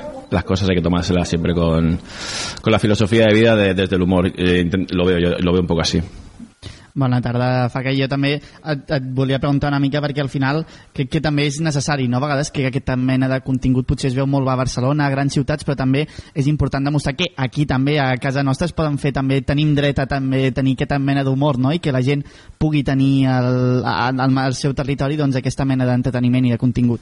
Totalmente. O sea, yo veo que también, oye, mucha- muchos de los vídeos que, por ejemplo, se han hecho un poco también, que han cogido visualizaciones, ha sido también porque mucha gente en los comentarios ponía, ostras, Reus, Reus, la Mercadal, tal. O sea, que también muchos comentarios, aparte que si el vídeo te puede gustar o no, pero mucha gente hacía hincapié en plan, es muy raro de que se haga un vídeo así o que se haga un poco viral un vídeo siendo de Reus, como diciendo, hostia, qué raro es.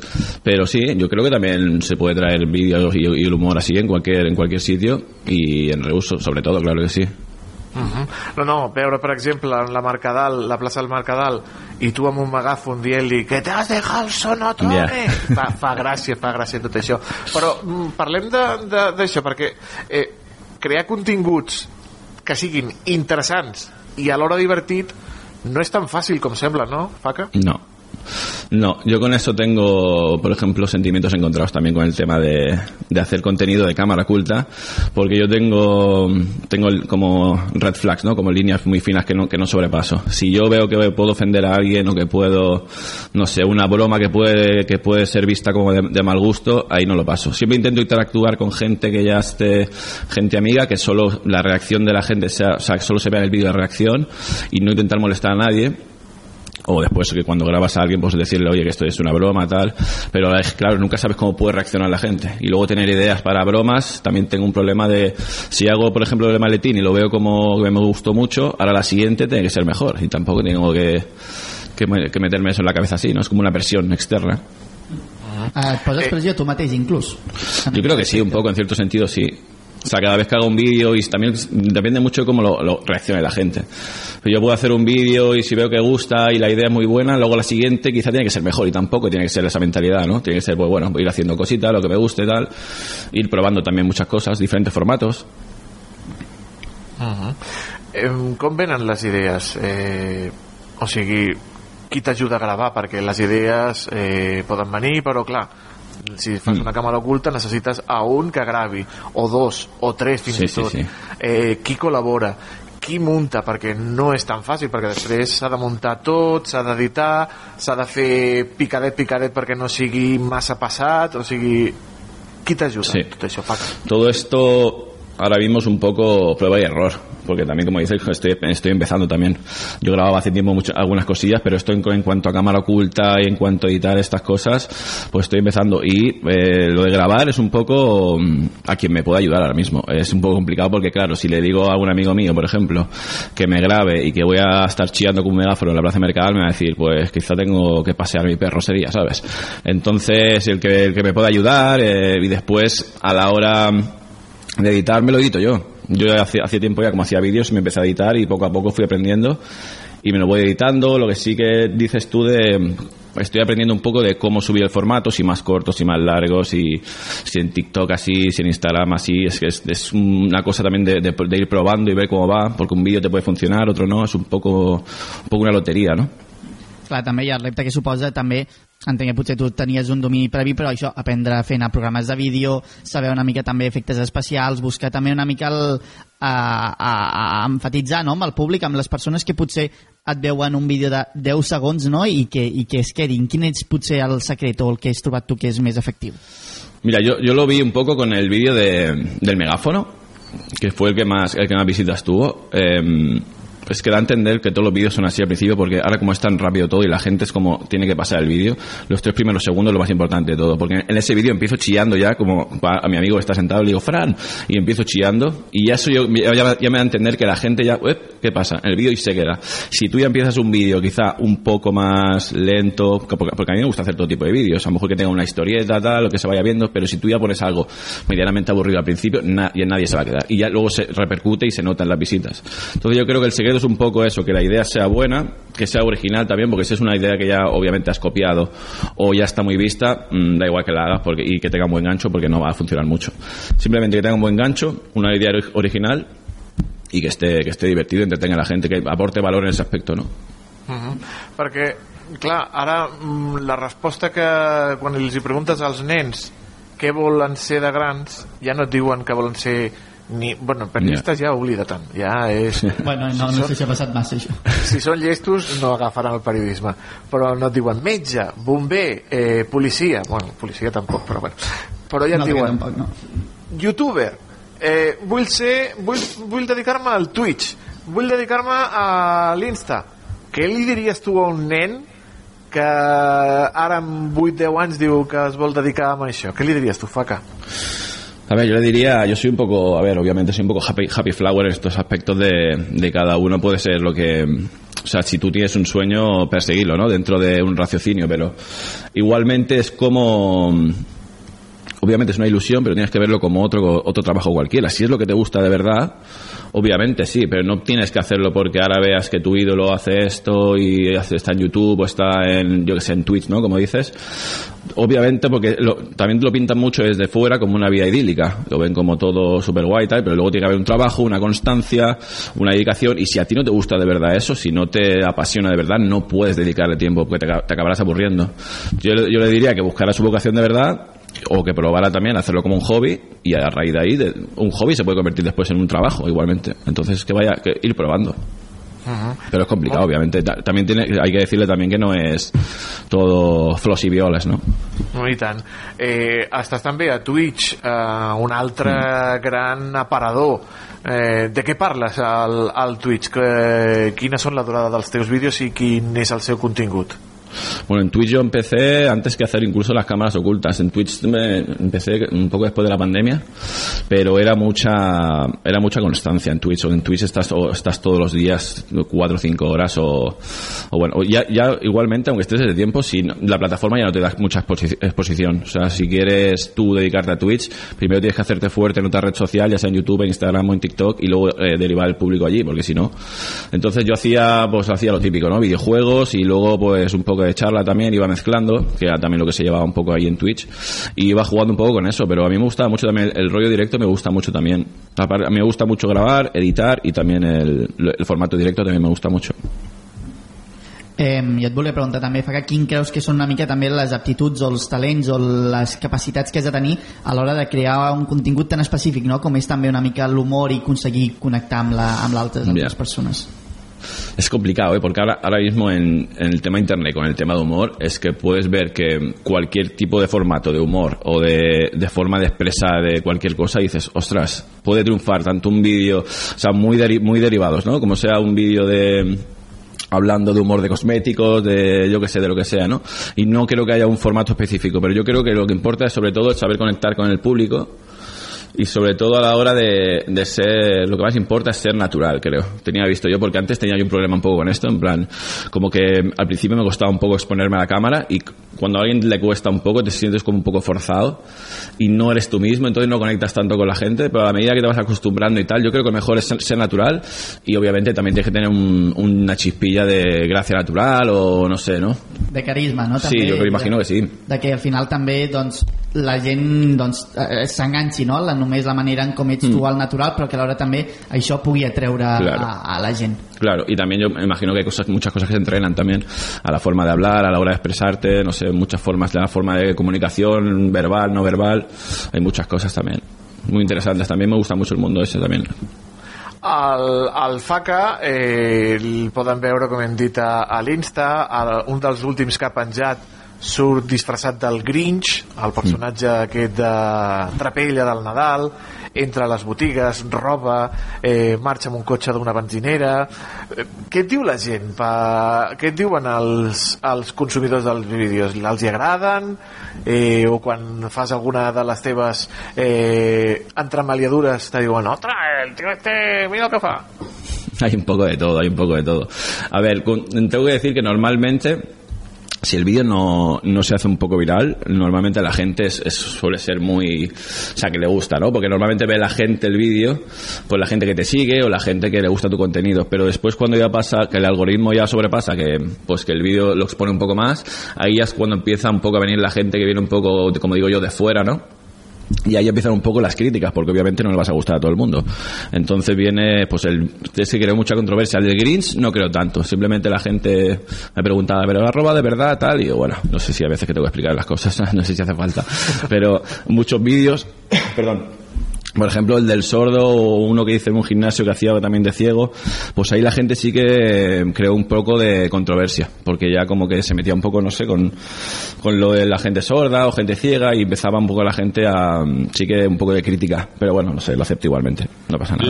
La, tenen, te, eh, últimament el- a l'humor hi ha molta la, la gent té la pell molt fina sí. no entenen que tot el que es fa és, és broma és, és broma i a més a més ja ho dius en el teu perfil no em prenguin Ja. en sèrio sempre estic de broma Ya, ya, pero la gente no se va a fijar tampoco, la gente no o sea, la gente solo ve el contenido y va al cuello y ya está directamente.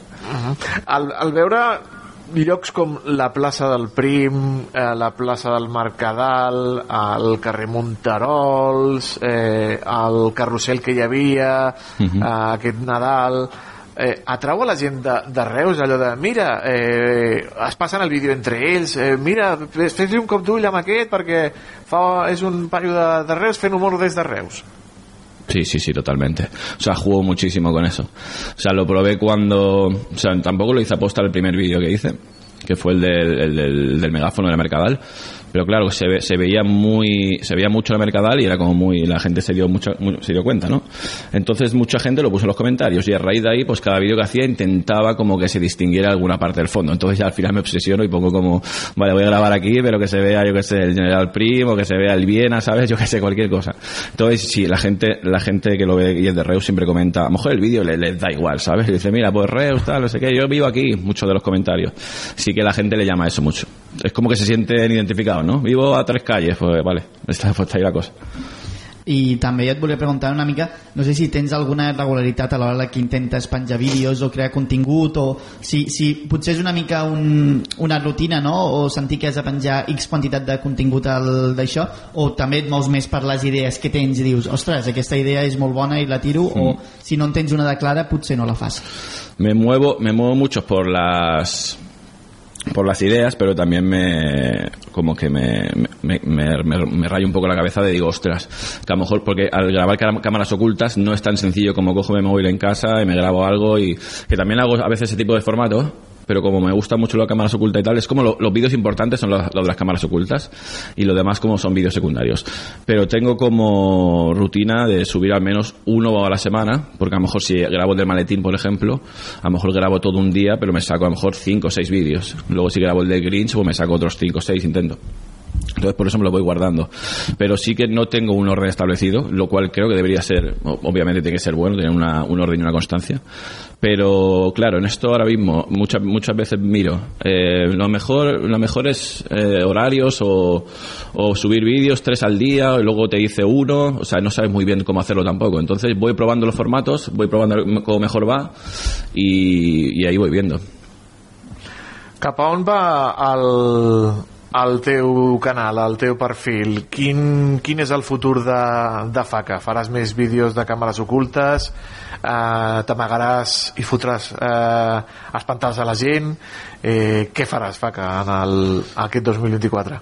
Pues mira, mi intención es 2024 seguir eh, con el formato cámara oculta, porque es un formato que mm, también lo usé un poco como salir una- un poco de la zona de confort, de probarme a mí mismo también, y me gusta mucho grabarlo. Y sobre todo también estoy us- usando esto un poco para la plataforma de mm, en futuras pues poder trabajar con, con marcas, no sé, pues si viene una empresa y me dice, mira, pues publicítame mi, mi local y, y lo haces con un tono, un tono de humor o hacemos una cámara oculta aquí, entonces también trabajar con diferentes empresas, entonces mezclar un poco por ahí también y luego también derivarlo un poco a Twitch, lo que hemos dicho antes y no sé, trabajar un poco en diferentes ramas, eh, pero que sea todo por, por internet porque sería algo que me gustaría dedicarme.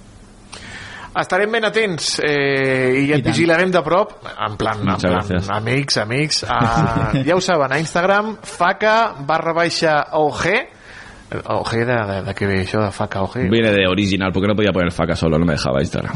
Pues mira. doncs faca guió baix OG o el que és el mateix el nostre convidat d'avui Adrià Martínez gràcies per deixar-te enredar al Nada. carrer Major penja el vídeo si vols al, al, teu, al teu Insta i també ens fan una mica Claro. de publi a naltros Sí, sí. Claro, claro. una abraçada Adri, moltíssimes A gràcies vosotros. Gracias. El valor del camp de Tarragona. Carrer Major. Oh,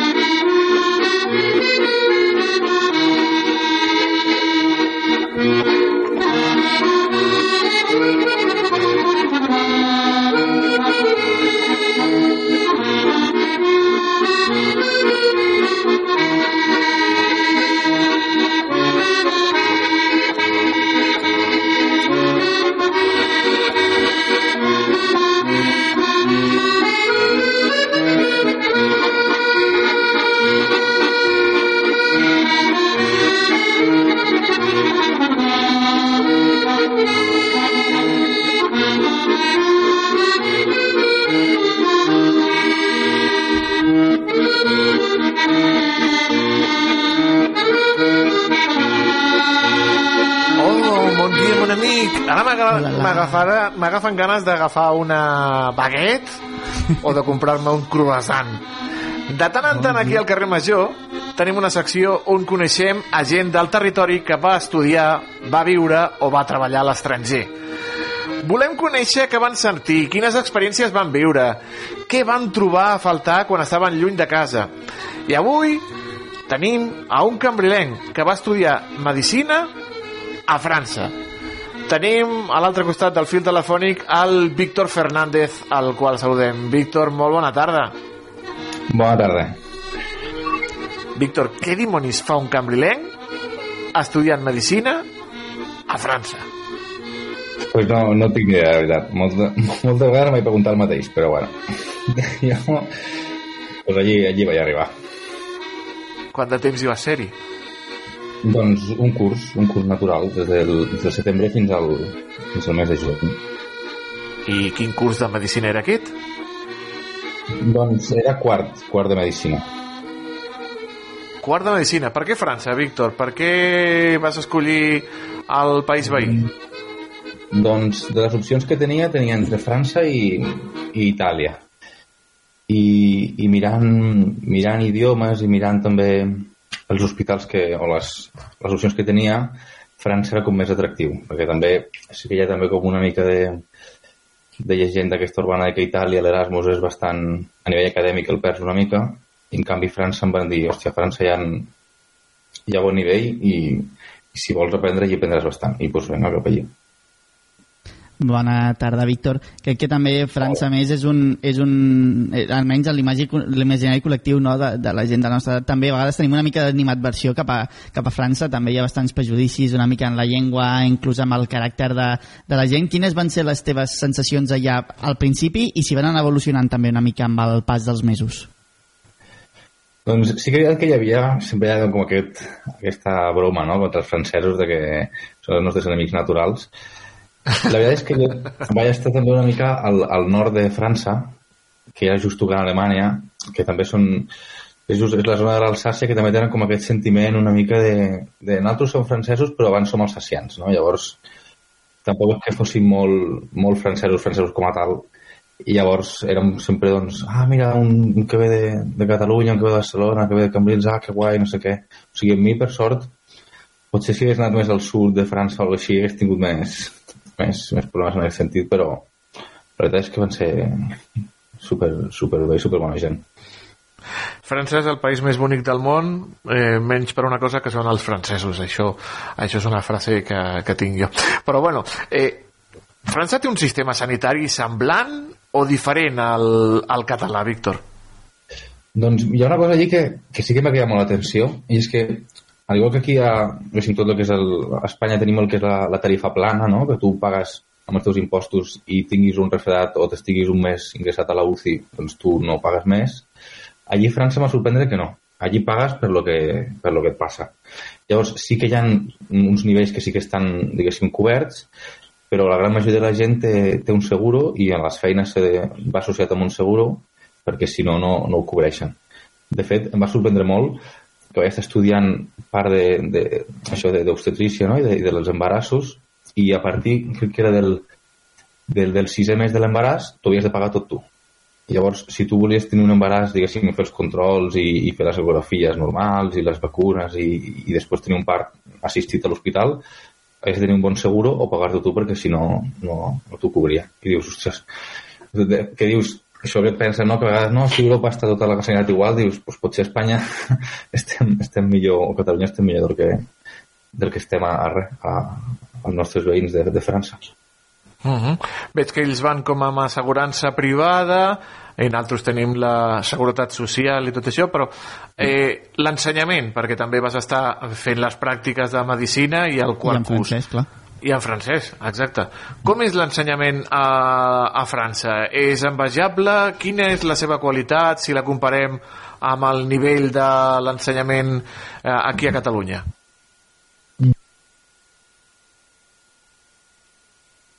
aules. Sobretot, no sé molt bé la resta de, la resta de carreres, però la meva llei medicina ho tenen muntat com per, per, per col·legis a nivell estatal. Llavors, totes les universitats, totes segueixen un mateix temari o un mateix, un mateix llibre que ha fet doncs, la, societat, la societat francesa de cardiologia, no? la societat francesa de, de dermatologia. Llavors, et dona com la satisfacció aquesta de dir, hòstia, tinc un llibre que ha fet doncs, diguéssim, el ministre o el Ministeri de França de Sanitat que sé que està bé i que si segueixo això i que ho han fet doncs, metges. Aquí la veritat és que és una, Espanya és una mica pues, cada mestre tiene su librillo no? i pues, si tens la universitat i tens alguna sort que tens professors bons doncs, doncs els pots seguir si tens professors que doncs, a vegades no, no són tan bons t'has de buscar més una mica les castanyes i llavors això sí que és una cosa que jo personalment sí que vaig dir, ostres, que guai que allí tinguin com molt més estandarditzat tot, com que està estiguis on estiguis tindràs una bona formació, que aquí sí que trobo una mica més en falta. També pot ser perquè jo vaig estar allí a la Universitat d'Estrasburg, que és una universitat potent, que aquí, doncs, no sé, si potser em vaig a Barcelona o a València o a, o a Madrid potser també ja és, és semblant. Però després, tema de, de temari, tema de professors, la veritat és que tots, tots els professors bons, els professors dolents, els que t'expliquen amb ganes, els que no, els que llegeixen el power i els que, i els que, és que t'expliquen bé, llavors en, el, en la resta tot igual. I, Víctor, jo et volia preguntar també una mica, aprofundir a Estrasburg com a, com a ciutat i també una mica quin era el teu dia a dia, com funcionava, també va variar molt la teva manera de, de, de viure aquí a, a Cambrils que a, que a Estrasburg?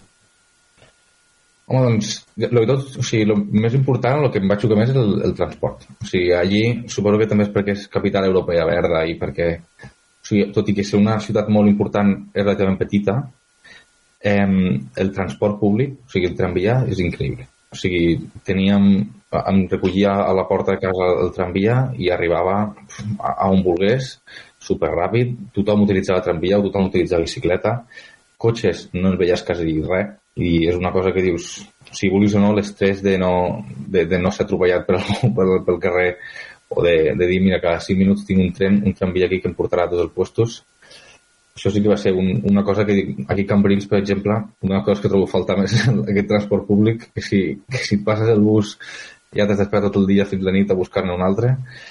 No, home, no, I- si aquí funciona tot de meravella. El trencamp ens salvarà Hem tot. tingut aquí, aquest sí, hem tingut la. Noemí Llaurador fa una El estona. i tramvia ens salvarà tots, no pateixis. El, això sí que va ser un, un, un fort de llei, ostres, que guai. I de Cambrils què trobaves a faltar? Les galeres, l'arròs amb Paella, galeres, clar. la cuina a la mama, què era el que trobaves a faltar de casa? L'olor, l'olor a mar, també, el, el, el clima, la veritat. O sigui, també va haver-hi un, uns mesos des de novembre fins al febrer, que és que el, o sigui, es, es feia de dia a les 9 del matí i era un dia així gris com de boira i a les 4 de la tarda ja era de nit.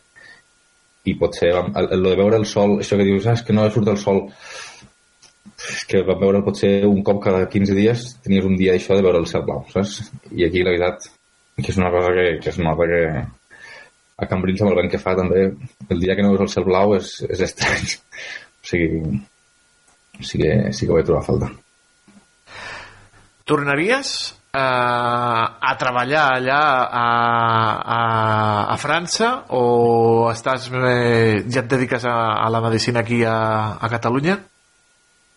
Doncs no, no ho he pensat. Sí que és veritat que si tingués l'oportunitat de tornar a marxar fora potser provaria un altre lloc abans que, abans que tornar a França per, més que és per, per provar.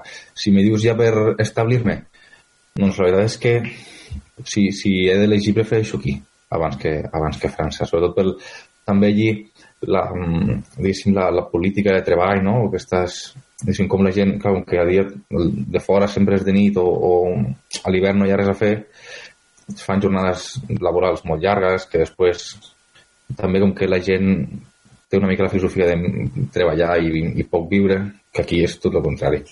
Llavors preferiria viure aquí. Però si és, i si és més provar un altre puesto, doncs endavant. Comptar amb un eh, futur metge com tu, Víctor, és, és un plaer i una seguretat pels catalans i catalanes, pels cambrilencs i cambrilenques i per la gent del, del Camp de Tarragona. Víctor Fernández, moltíssimes gràcies, Moltes gràcies. per aportar-nos la- el teu granet de sorra i la teva experiència a Estrasburg aquí al, al carrer Major. Una abraçada molt gran. A vosaltres per convidar-me. Bona tarda. Adéu, vagi bé. Adéu. Carrer Major, totes les veus del territori.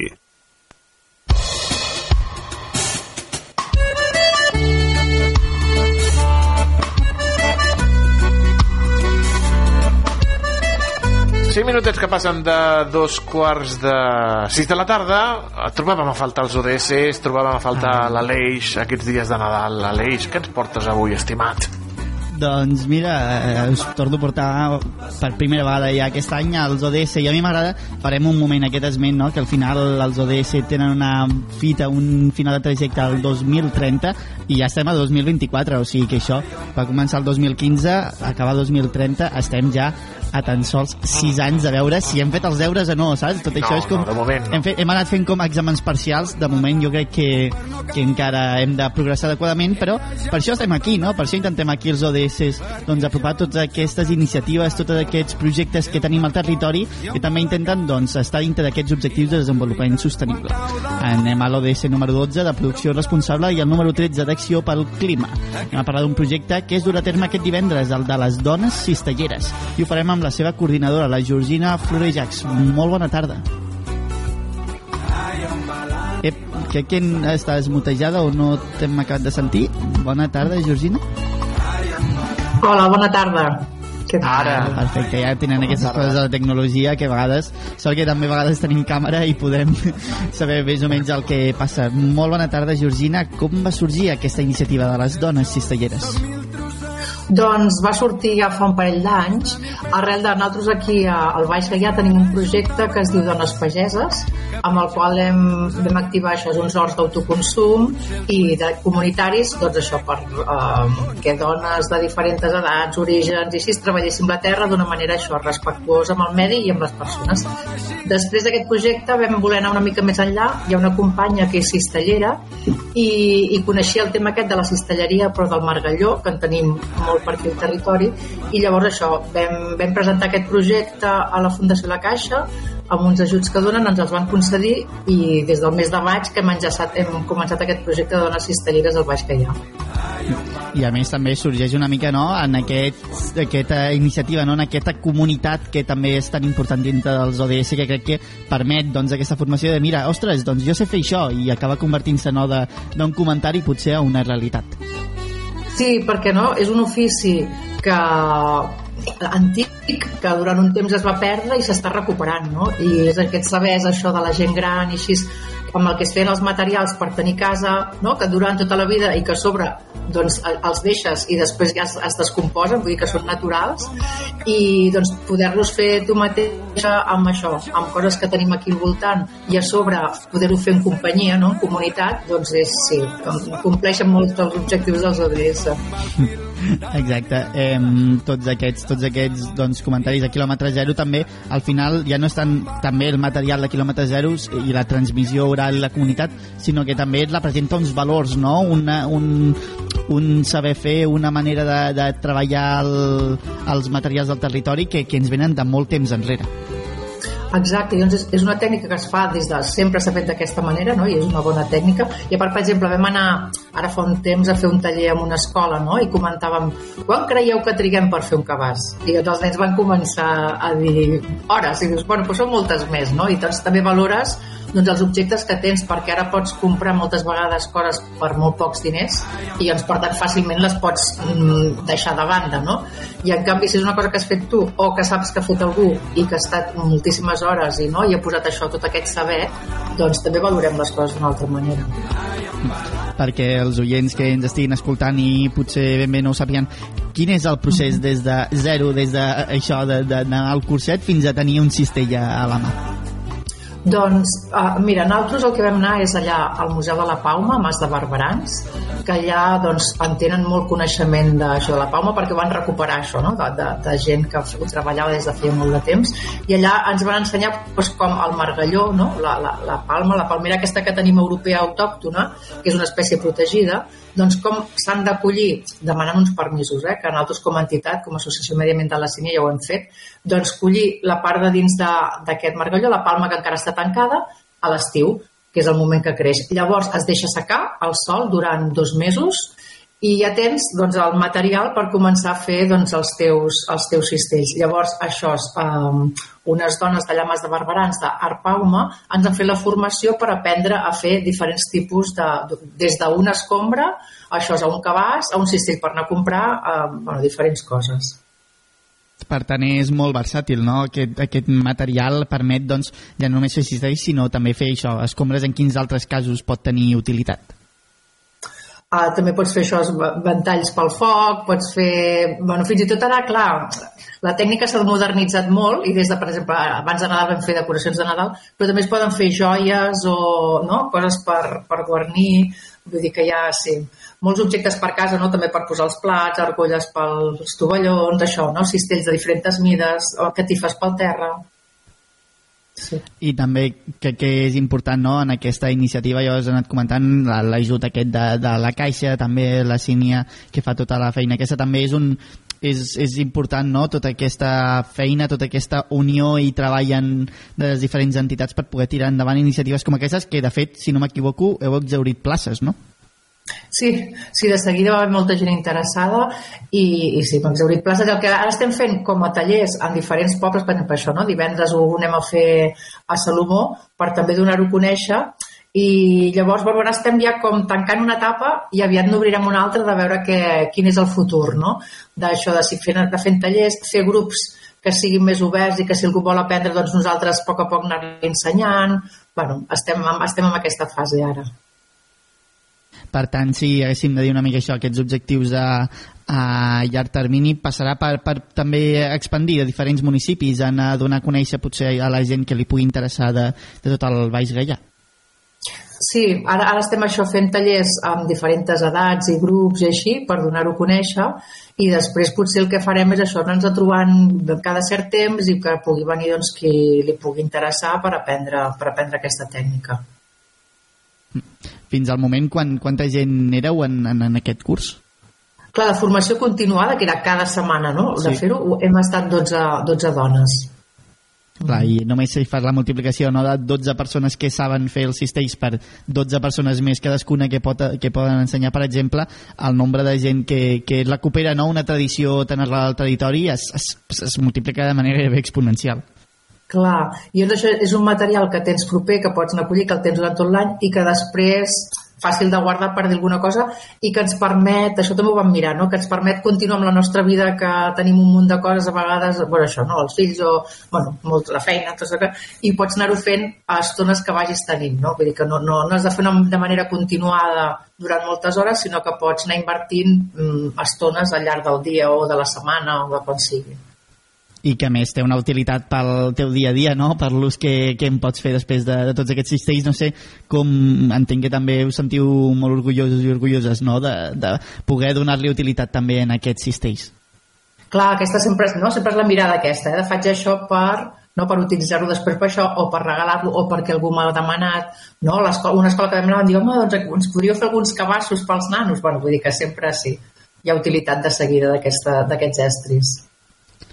Doncs bé, hem, hem arribat a un any nou, cada vegada tenim menys temps per de cara al 2030, però si ens hem de fixar en iniciatives del territori que fan els deures, sens dubte, les zones cistelleres és un d'aquest. Moltíssimes gràcies, Georgina Frejacs, coordinadora d'aquest projecte, per explicar com, com avança, que avança molt ritme i molt sort i encerts en, en aquest nou any. Moltíssimes gràcies.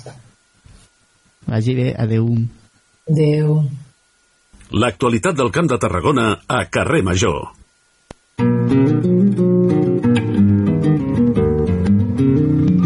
I com cada dia arriba la banda sonora i arriba de la mà del David Fernández des de la nova ràdio de Reus eh, avui amb una reusenca David, bona tarda Hola Toni, hola Aleix. Ahir començàvem l'any amb una novetat que sortia ahir mateix i avui continuem amb una altra peça del Camp de Tarragona que també ha vist a la llum aquest dimarts dia 9. Fem parada a Reus també per escoltar la Lau Noa, o el que és el mateix la Laura Noa, la Laura Cailà, aquesta reusenca que quan tenia 19 anys se'n va anar cap a Nova York a buscar-se la vida i allà va desenvolupar la seva trajectòria com a cantant.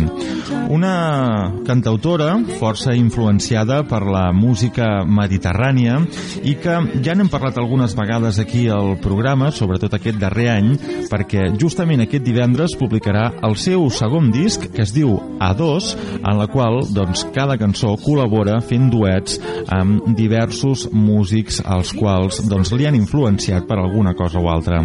Però és que la Laura no s'hi ha posat pas per poc. Vull dir, entre aquestes col·laboracions hi ha gent com en Jacob Collier, com en Jorge Drexler, com la Sílvia Pérez Cruz o com el Salvador Sobral en aquesta cançó que avui escoltem i que, com diem, s'estrena avui i ja podeu trobar a totes les plataformes. Una cantautora que aquest any va estar presentant la seva música arreu d'Europa i que ja ens explica que el proper mm, la propera primavera-estiu la tindrem fent una gira per aquí, per Catalunya i per l'estat espanyol i a veure si es deix veure a Reus, a la seva ciutat. Avui, doncs, la música de la Laura Noa i, per cert, crec que d'aquí uns dies la tindrem aquí al programa al carrer Major per parlar de la seva experiència i de totes aquestes col·laboracions que hi hauran en el seu segon disc. Mentre esperem aquesta entrevista, podeu escoltar la seva música, busqueu Lau Noa i deixeu-vos emportar per la seva proposta. Què me dius? Que tindrem a la Lau Noa? Ep. Exclusiva! Exclusiva, eh? Hauríem de posar un, un comptador d'aquests, un números vermells. Molt aviat, molt aviat la, la Lau Noa. Estiguin atents a la seva ràdio local. I estiguin atents perquè anem amb la furgoneta, com cada dia. Com fa? Jo Molt bé, jo me l'imagino, però rapidíssima, o sigui, a Molt bé, 200 Aleix. km per hora. no de Estàs millorant molt, molt, Gràcies, molt, molt gràcies, en la teva imitació de furgoneta. La veritable furgoneta és la de la Cristina Artacho, que avui se n'ha anat a Valls. I la saludem. Cristina Artacho, bona, tarda. Des de la Fulgo, avui sóc a Valls, de fet a una de les places més emblemàtiques de Valls, la plaça del Blat, i m'acompanya la Tània Guasc, que és la secretària de la Societat Sant Antoni. Per què? Doncs perquè avui parlem també d'una de les- d'una de les festes més importants de Valls, com són els Tres Toms, que són eh, aquest cap de setmana. Tània, molt bona tarda. No sé si ens pots explicar ben bé què són els Tres Toms. Bona tarda, moltes gràcies per l'entrevista. Ui, explicar què són els Tres Toms. A veure, els Tres Toms és una festa històrica que es data molts eh, centenars de segles d'anys enrere. La primera constància escrita de Valls és del 1879. Antigament es celebrava el dia 17 de gener. Eh, era festiu a tota Catalunya, el 17 de gener, perquè els traginers, els ramblers i tots els ofi- oficis relacionats amb els animals de peu rodó, cavalls, mules, matxos, etc., aquell dia feien festa.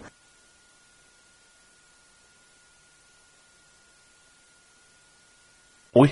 I por... Sembla... Ai. Cristina? Cristina? S'ha perdut la connexió amb la, Sí. amb la Cristina? No sabem A veure què li si, passa. si mirem si... La Estaven a beneir els seus eh, animals. Tornat. Els trastorns van començar amb una espècie de curses, de carreres, al voltant de la iglesia on se feia la benedicció, aquí en aquest cas a Valls és l'església Sant Antoni de Valls, i després de manera pausada van anar passant amb unes cercaviles més ordenades on hi participaven cavalls muntats, amb la bandera, amb el panó, i participaven diferents casos aquí Valls, sobretot casos d'agència de les di- diferents agències de transport que hi havia a la ciutat, que n'hi havia moltes, que tenien un pes molt important en aquesta ciutat, les agències de transport, i participaven a aquests casos d'agència. Comentaves no, que la primera constància dels Tres Toms de Valls és de fa segles, però com els coneixem avui en dia, si no m'equivoco, es van recuperar fa 45 anys. Enguany és la 45a edició. Sí, exacte. Aquest any està en d'aniversari. La Societat de Sant Antoni de Valls, els seus fundadors, l'any 1980, van tindre la brillant idea de recuperar aquesta festa tan mítica i tan arraigada i tan pròpia de la nostra ciutat i des de l'any 1980 doncs, que anem donant toms i esperem poder donar toms molts anys més.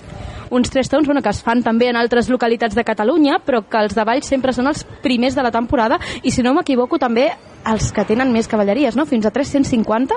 Sí, exacte. Eh, aviam, són uns testos molt importants. En tot, en els últims anys hem apostat molt per la qualitat de lo que hi participa, o sigui que tots els carros que hi participin siguin una recreació fidel i històrica a com es transportaven les mercaderies anys enrere, també com es transportaven les persones, perquè les persones també anaven amb carro i a cavall i el, el pas del temps el marcava el pas del cavall.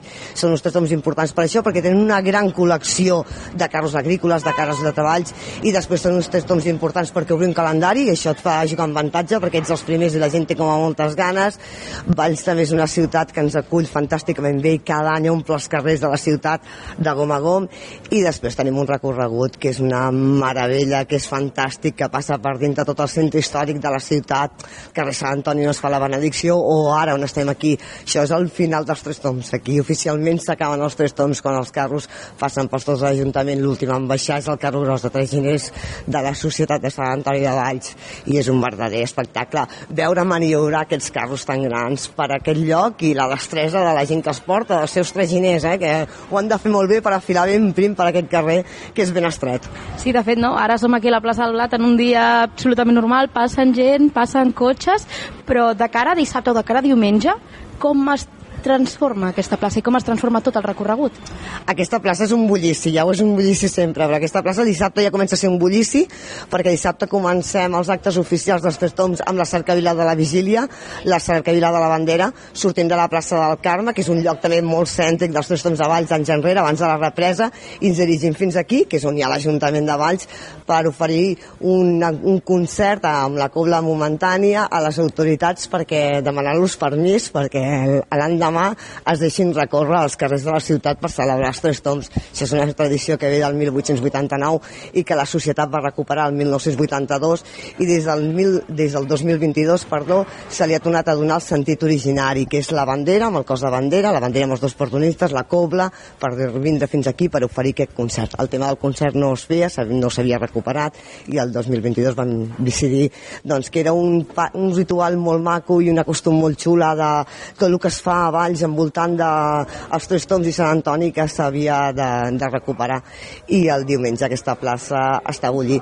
La gent va a la Font de la Manxa, que és un altre punt neuràlgic perquè ai, per allà passen tres vegades i llavors els pots veure passar molt bé i tal, però el segon tom ens abandonen i tothom fa cap aquí aquesta plaça, la gent hi ha, hi ha gent que jo crec que el veu els Tres Toms només aquí perquè ha vingut a agafar lloc a primera hora per veure bé aquest, el pas dels carros per aquest indret.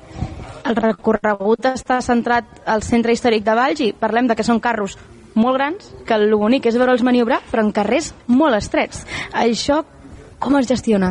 Sí, tenim un recorregut complicat, eh? la veritat és que sí, tenim un recorregut complicat, però bueno, també tenim un recorregut que fa molts anys que, fea, que fem, que fa 45 anys que fem el mateix recorregut, que hem intentat modificar-lo el mínim possible i és un recorregut molt semblant al que es havia fet anys enrere, no ben bé igual perquè abans de la represa aquests toms de l'Ajuntament es feien de pujada i avui això és, és inviable, però sí que és un recorregut complicat, no passa, bueno, gestionar-ho de la manera que podem moltes vegades amb el gran servei d'ordre que tenim des de l'Ajuntament, els mitjans que es posen, Protecció Civil, Creu Roja, tots els voluntaris de la Societat de Sant Antoni de Valls, que tenim més de 20 voluntaris que aquell dia vetllen perquè tot funcioni correctament i tot sigui un engranatge que va funcionant, no? perquè al final l'organització d'uns tres toms eh, és molt complexa, eh, té moltes hores de feina, té moltes hores de dedicació, és una organització que comença tres mesos abans perquè hi ha moltes coses eh, a lligar, hi ha moltes coses a encaixar.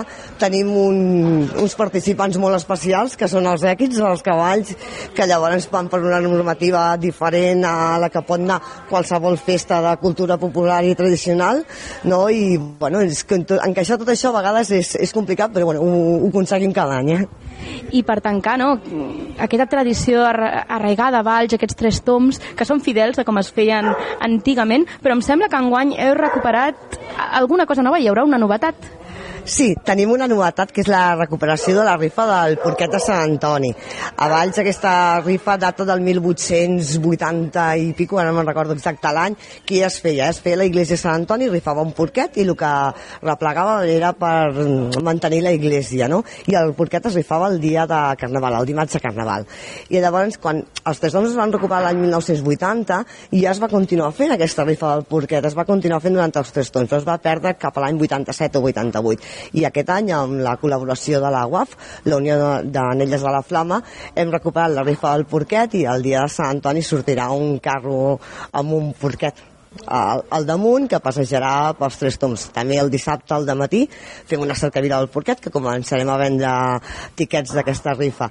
La veritat que des de la societat fa un parell o tres anys que treballem molt intensament en recuperar tots els costums i totes les tradicions que envolten la festivitat de Sant Antoni i la festivitat dels tres toms a Valls, com és el tornar a la cercavila al seu origen, la recuperació de la rifa del porquet, tornar a repartir els ofersons, que és una coca dolça típica de Valls, a la benedicció de Sant Antoni, fer la benedicció de Sant Antoni, el repic tradicional de campanes, tot el tema de la música amb la cobla momentània, que són músics que s'ajunten per tocar només el dia dels tres sons de Valls i tots són de Valls i amenitzen tota la festivitat els dos dies. O sigui que, mica en mica, hem intentat recuperar tot el que es feia anys enrere. Tenim una assignatura pendent, que és el ball de la tarda, perquè típicament a Valls es feia un ball el 17 de gener, tenim aquesta assignatura pendent que sempre diem l'any que ve, l'any que ve, però esperem l'any que ve poder-la recuperar, perquè llavors tindrem tot el cicle festiu envoltant a Sant Antoni complet. Doncs ja sabeu, cita imprescindible aquest cap de setmana a Valls, els tres toms, els que obren temporada aquí a Catalunya i un dels, dels més importants també. Moltíssimes gràcies a la Tània Guasc, la secretària de la Societat de Sant Antoni, que organitza aquests tres toms, i nosaltres ens veiem demà a la propera Furgo. Adeu. Gràcies, Cristina. El 17 de, de gener, Sant Antoni. No és el sí. meu sant, no és el teu sant. No, jo el celebro el, el 13 de juny. Però, ei, Aleix, si em vols regalar alguna cosa, ja saps que jo estic sempre obert a tot el que després em proposis. De, després de tots els Reis i Nadal, què, què t'han regalat? Jo, puc explicar-te una cosa que m'han regalat a mi? Eh, Quin remei. Vinga, va, és que, clar, jo estava ja obrint els regals tot tranquil i de cop he vist un llibre, o sigui, com un llibre, i l'he obert i posava eh, 100 receptes fàcils posar 100 receptes fàcils per, per quan vius independitzat. Uh, pares, això t'ho han regalat uns pares? Sí, m'han regalat uns pares. Uh! Eh, est, est, eh, oficialment he començat a mirar pisos en exclusiva, aquí ho sabeu, a carrer Major en exclusiva, clar. O sigui, a tu et regalen un llibre que, que és per, per, per quan t'independitzes. Eh, els senyors Pérez volen lliurar-se sí. de la llei. Ja era hora, eh, ja era hora, senyors Pérez. Felicitats, eh? Felicitats. No, no, eh, la millor, si marxa és la millor opció d'aquest 2024, que marxi el nen de casa. No marxin vostès de casa, no marxin de la seva ràdio local perquè els esperem demà a partir de les 4 de la tarda aquí al carrer Major. Aleix, eh, idealista.com i ja saps, eh, a buscar. Fins demà, Aleix. Adéu. Altres eh, tornem demà. Que vagi molt bé. Bona tarda i gràcies per acompanyar-nos. Mon amour, je t'aime. Son las 6 de la mañana y me da igual. Voy a salir a la calle, voy a ponerme a gritar. Voy a gritar que te quiero, que te quiero de verdad. Con esa sonrisa puesta, de verdad que no me cuesta pensar en ti cuando me acuesto. Pero Aitana, no imaginas el resto, que si no, no queda bonito esto. Voy a ir directa a ti, voy a mirarte a los ojos, no te voy a mentir. Y como los niños chicos te pediré salir, esperando un sí, esperando un kiss. Y es que me encantas tanto, si me miras mientras canto, se me pone cara tú me tienes loca. Y es que me gusta no sé cuánto, go go tú como dirían los vascos, si quieres te lo digo en portugués, eu gosto de você. Se me paraliza el cuerpo cuando vas a besarme. Me acuerdo de ti cuando voy a maquillarme. Cantando los conciertos te imagino delante, siendo el más elegante, siendo el más importante. Grabando con Aitana ya pensando en buscarte Y yo cruzar el charco para poder ir a verte No importa el idioma, solo quiero cantarte Mon amor, amor es mío, solo quiero comerte Cuando te veo, mamá,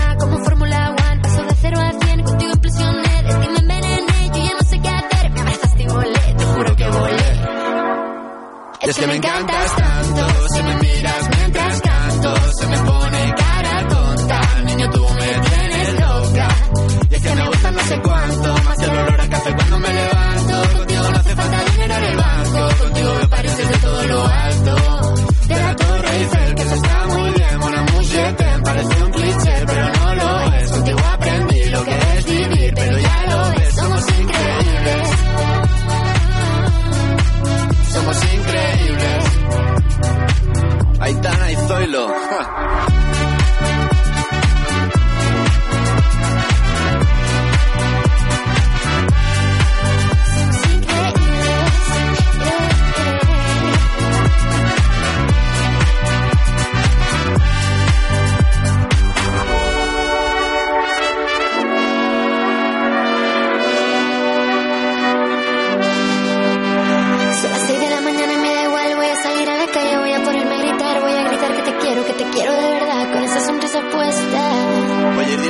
ti, voy a mirarte a los ojos, no te voy a mentir. Y como dos niños chicos te pediré salir, esperando un sí, esperando un kiss. Y es que me encantas tanto, si me miras mientras canto, se me pone cara tonta. Niña, tú me tienes loca. Y es que me gusta no sé cuánto, más que el olor a café cuando me levanto. Contigo no hace falta dinero en el banco, contigo me pareces de todo lo alto. Salgo de grabar, solo quiero ir a buscarte, me da igual madre o paré, solo contigo escaparme.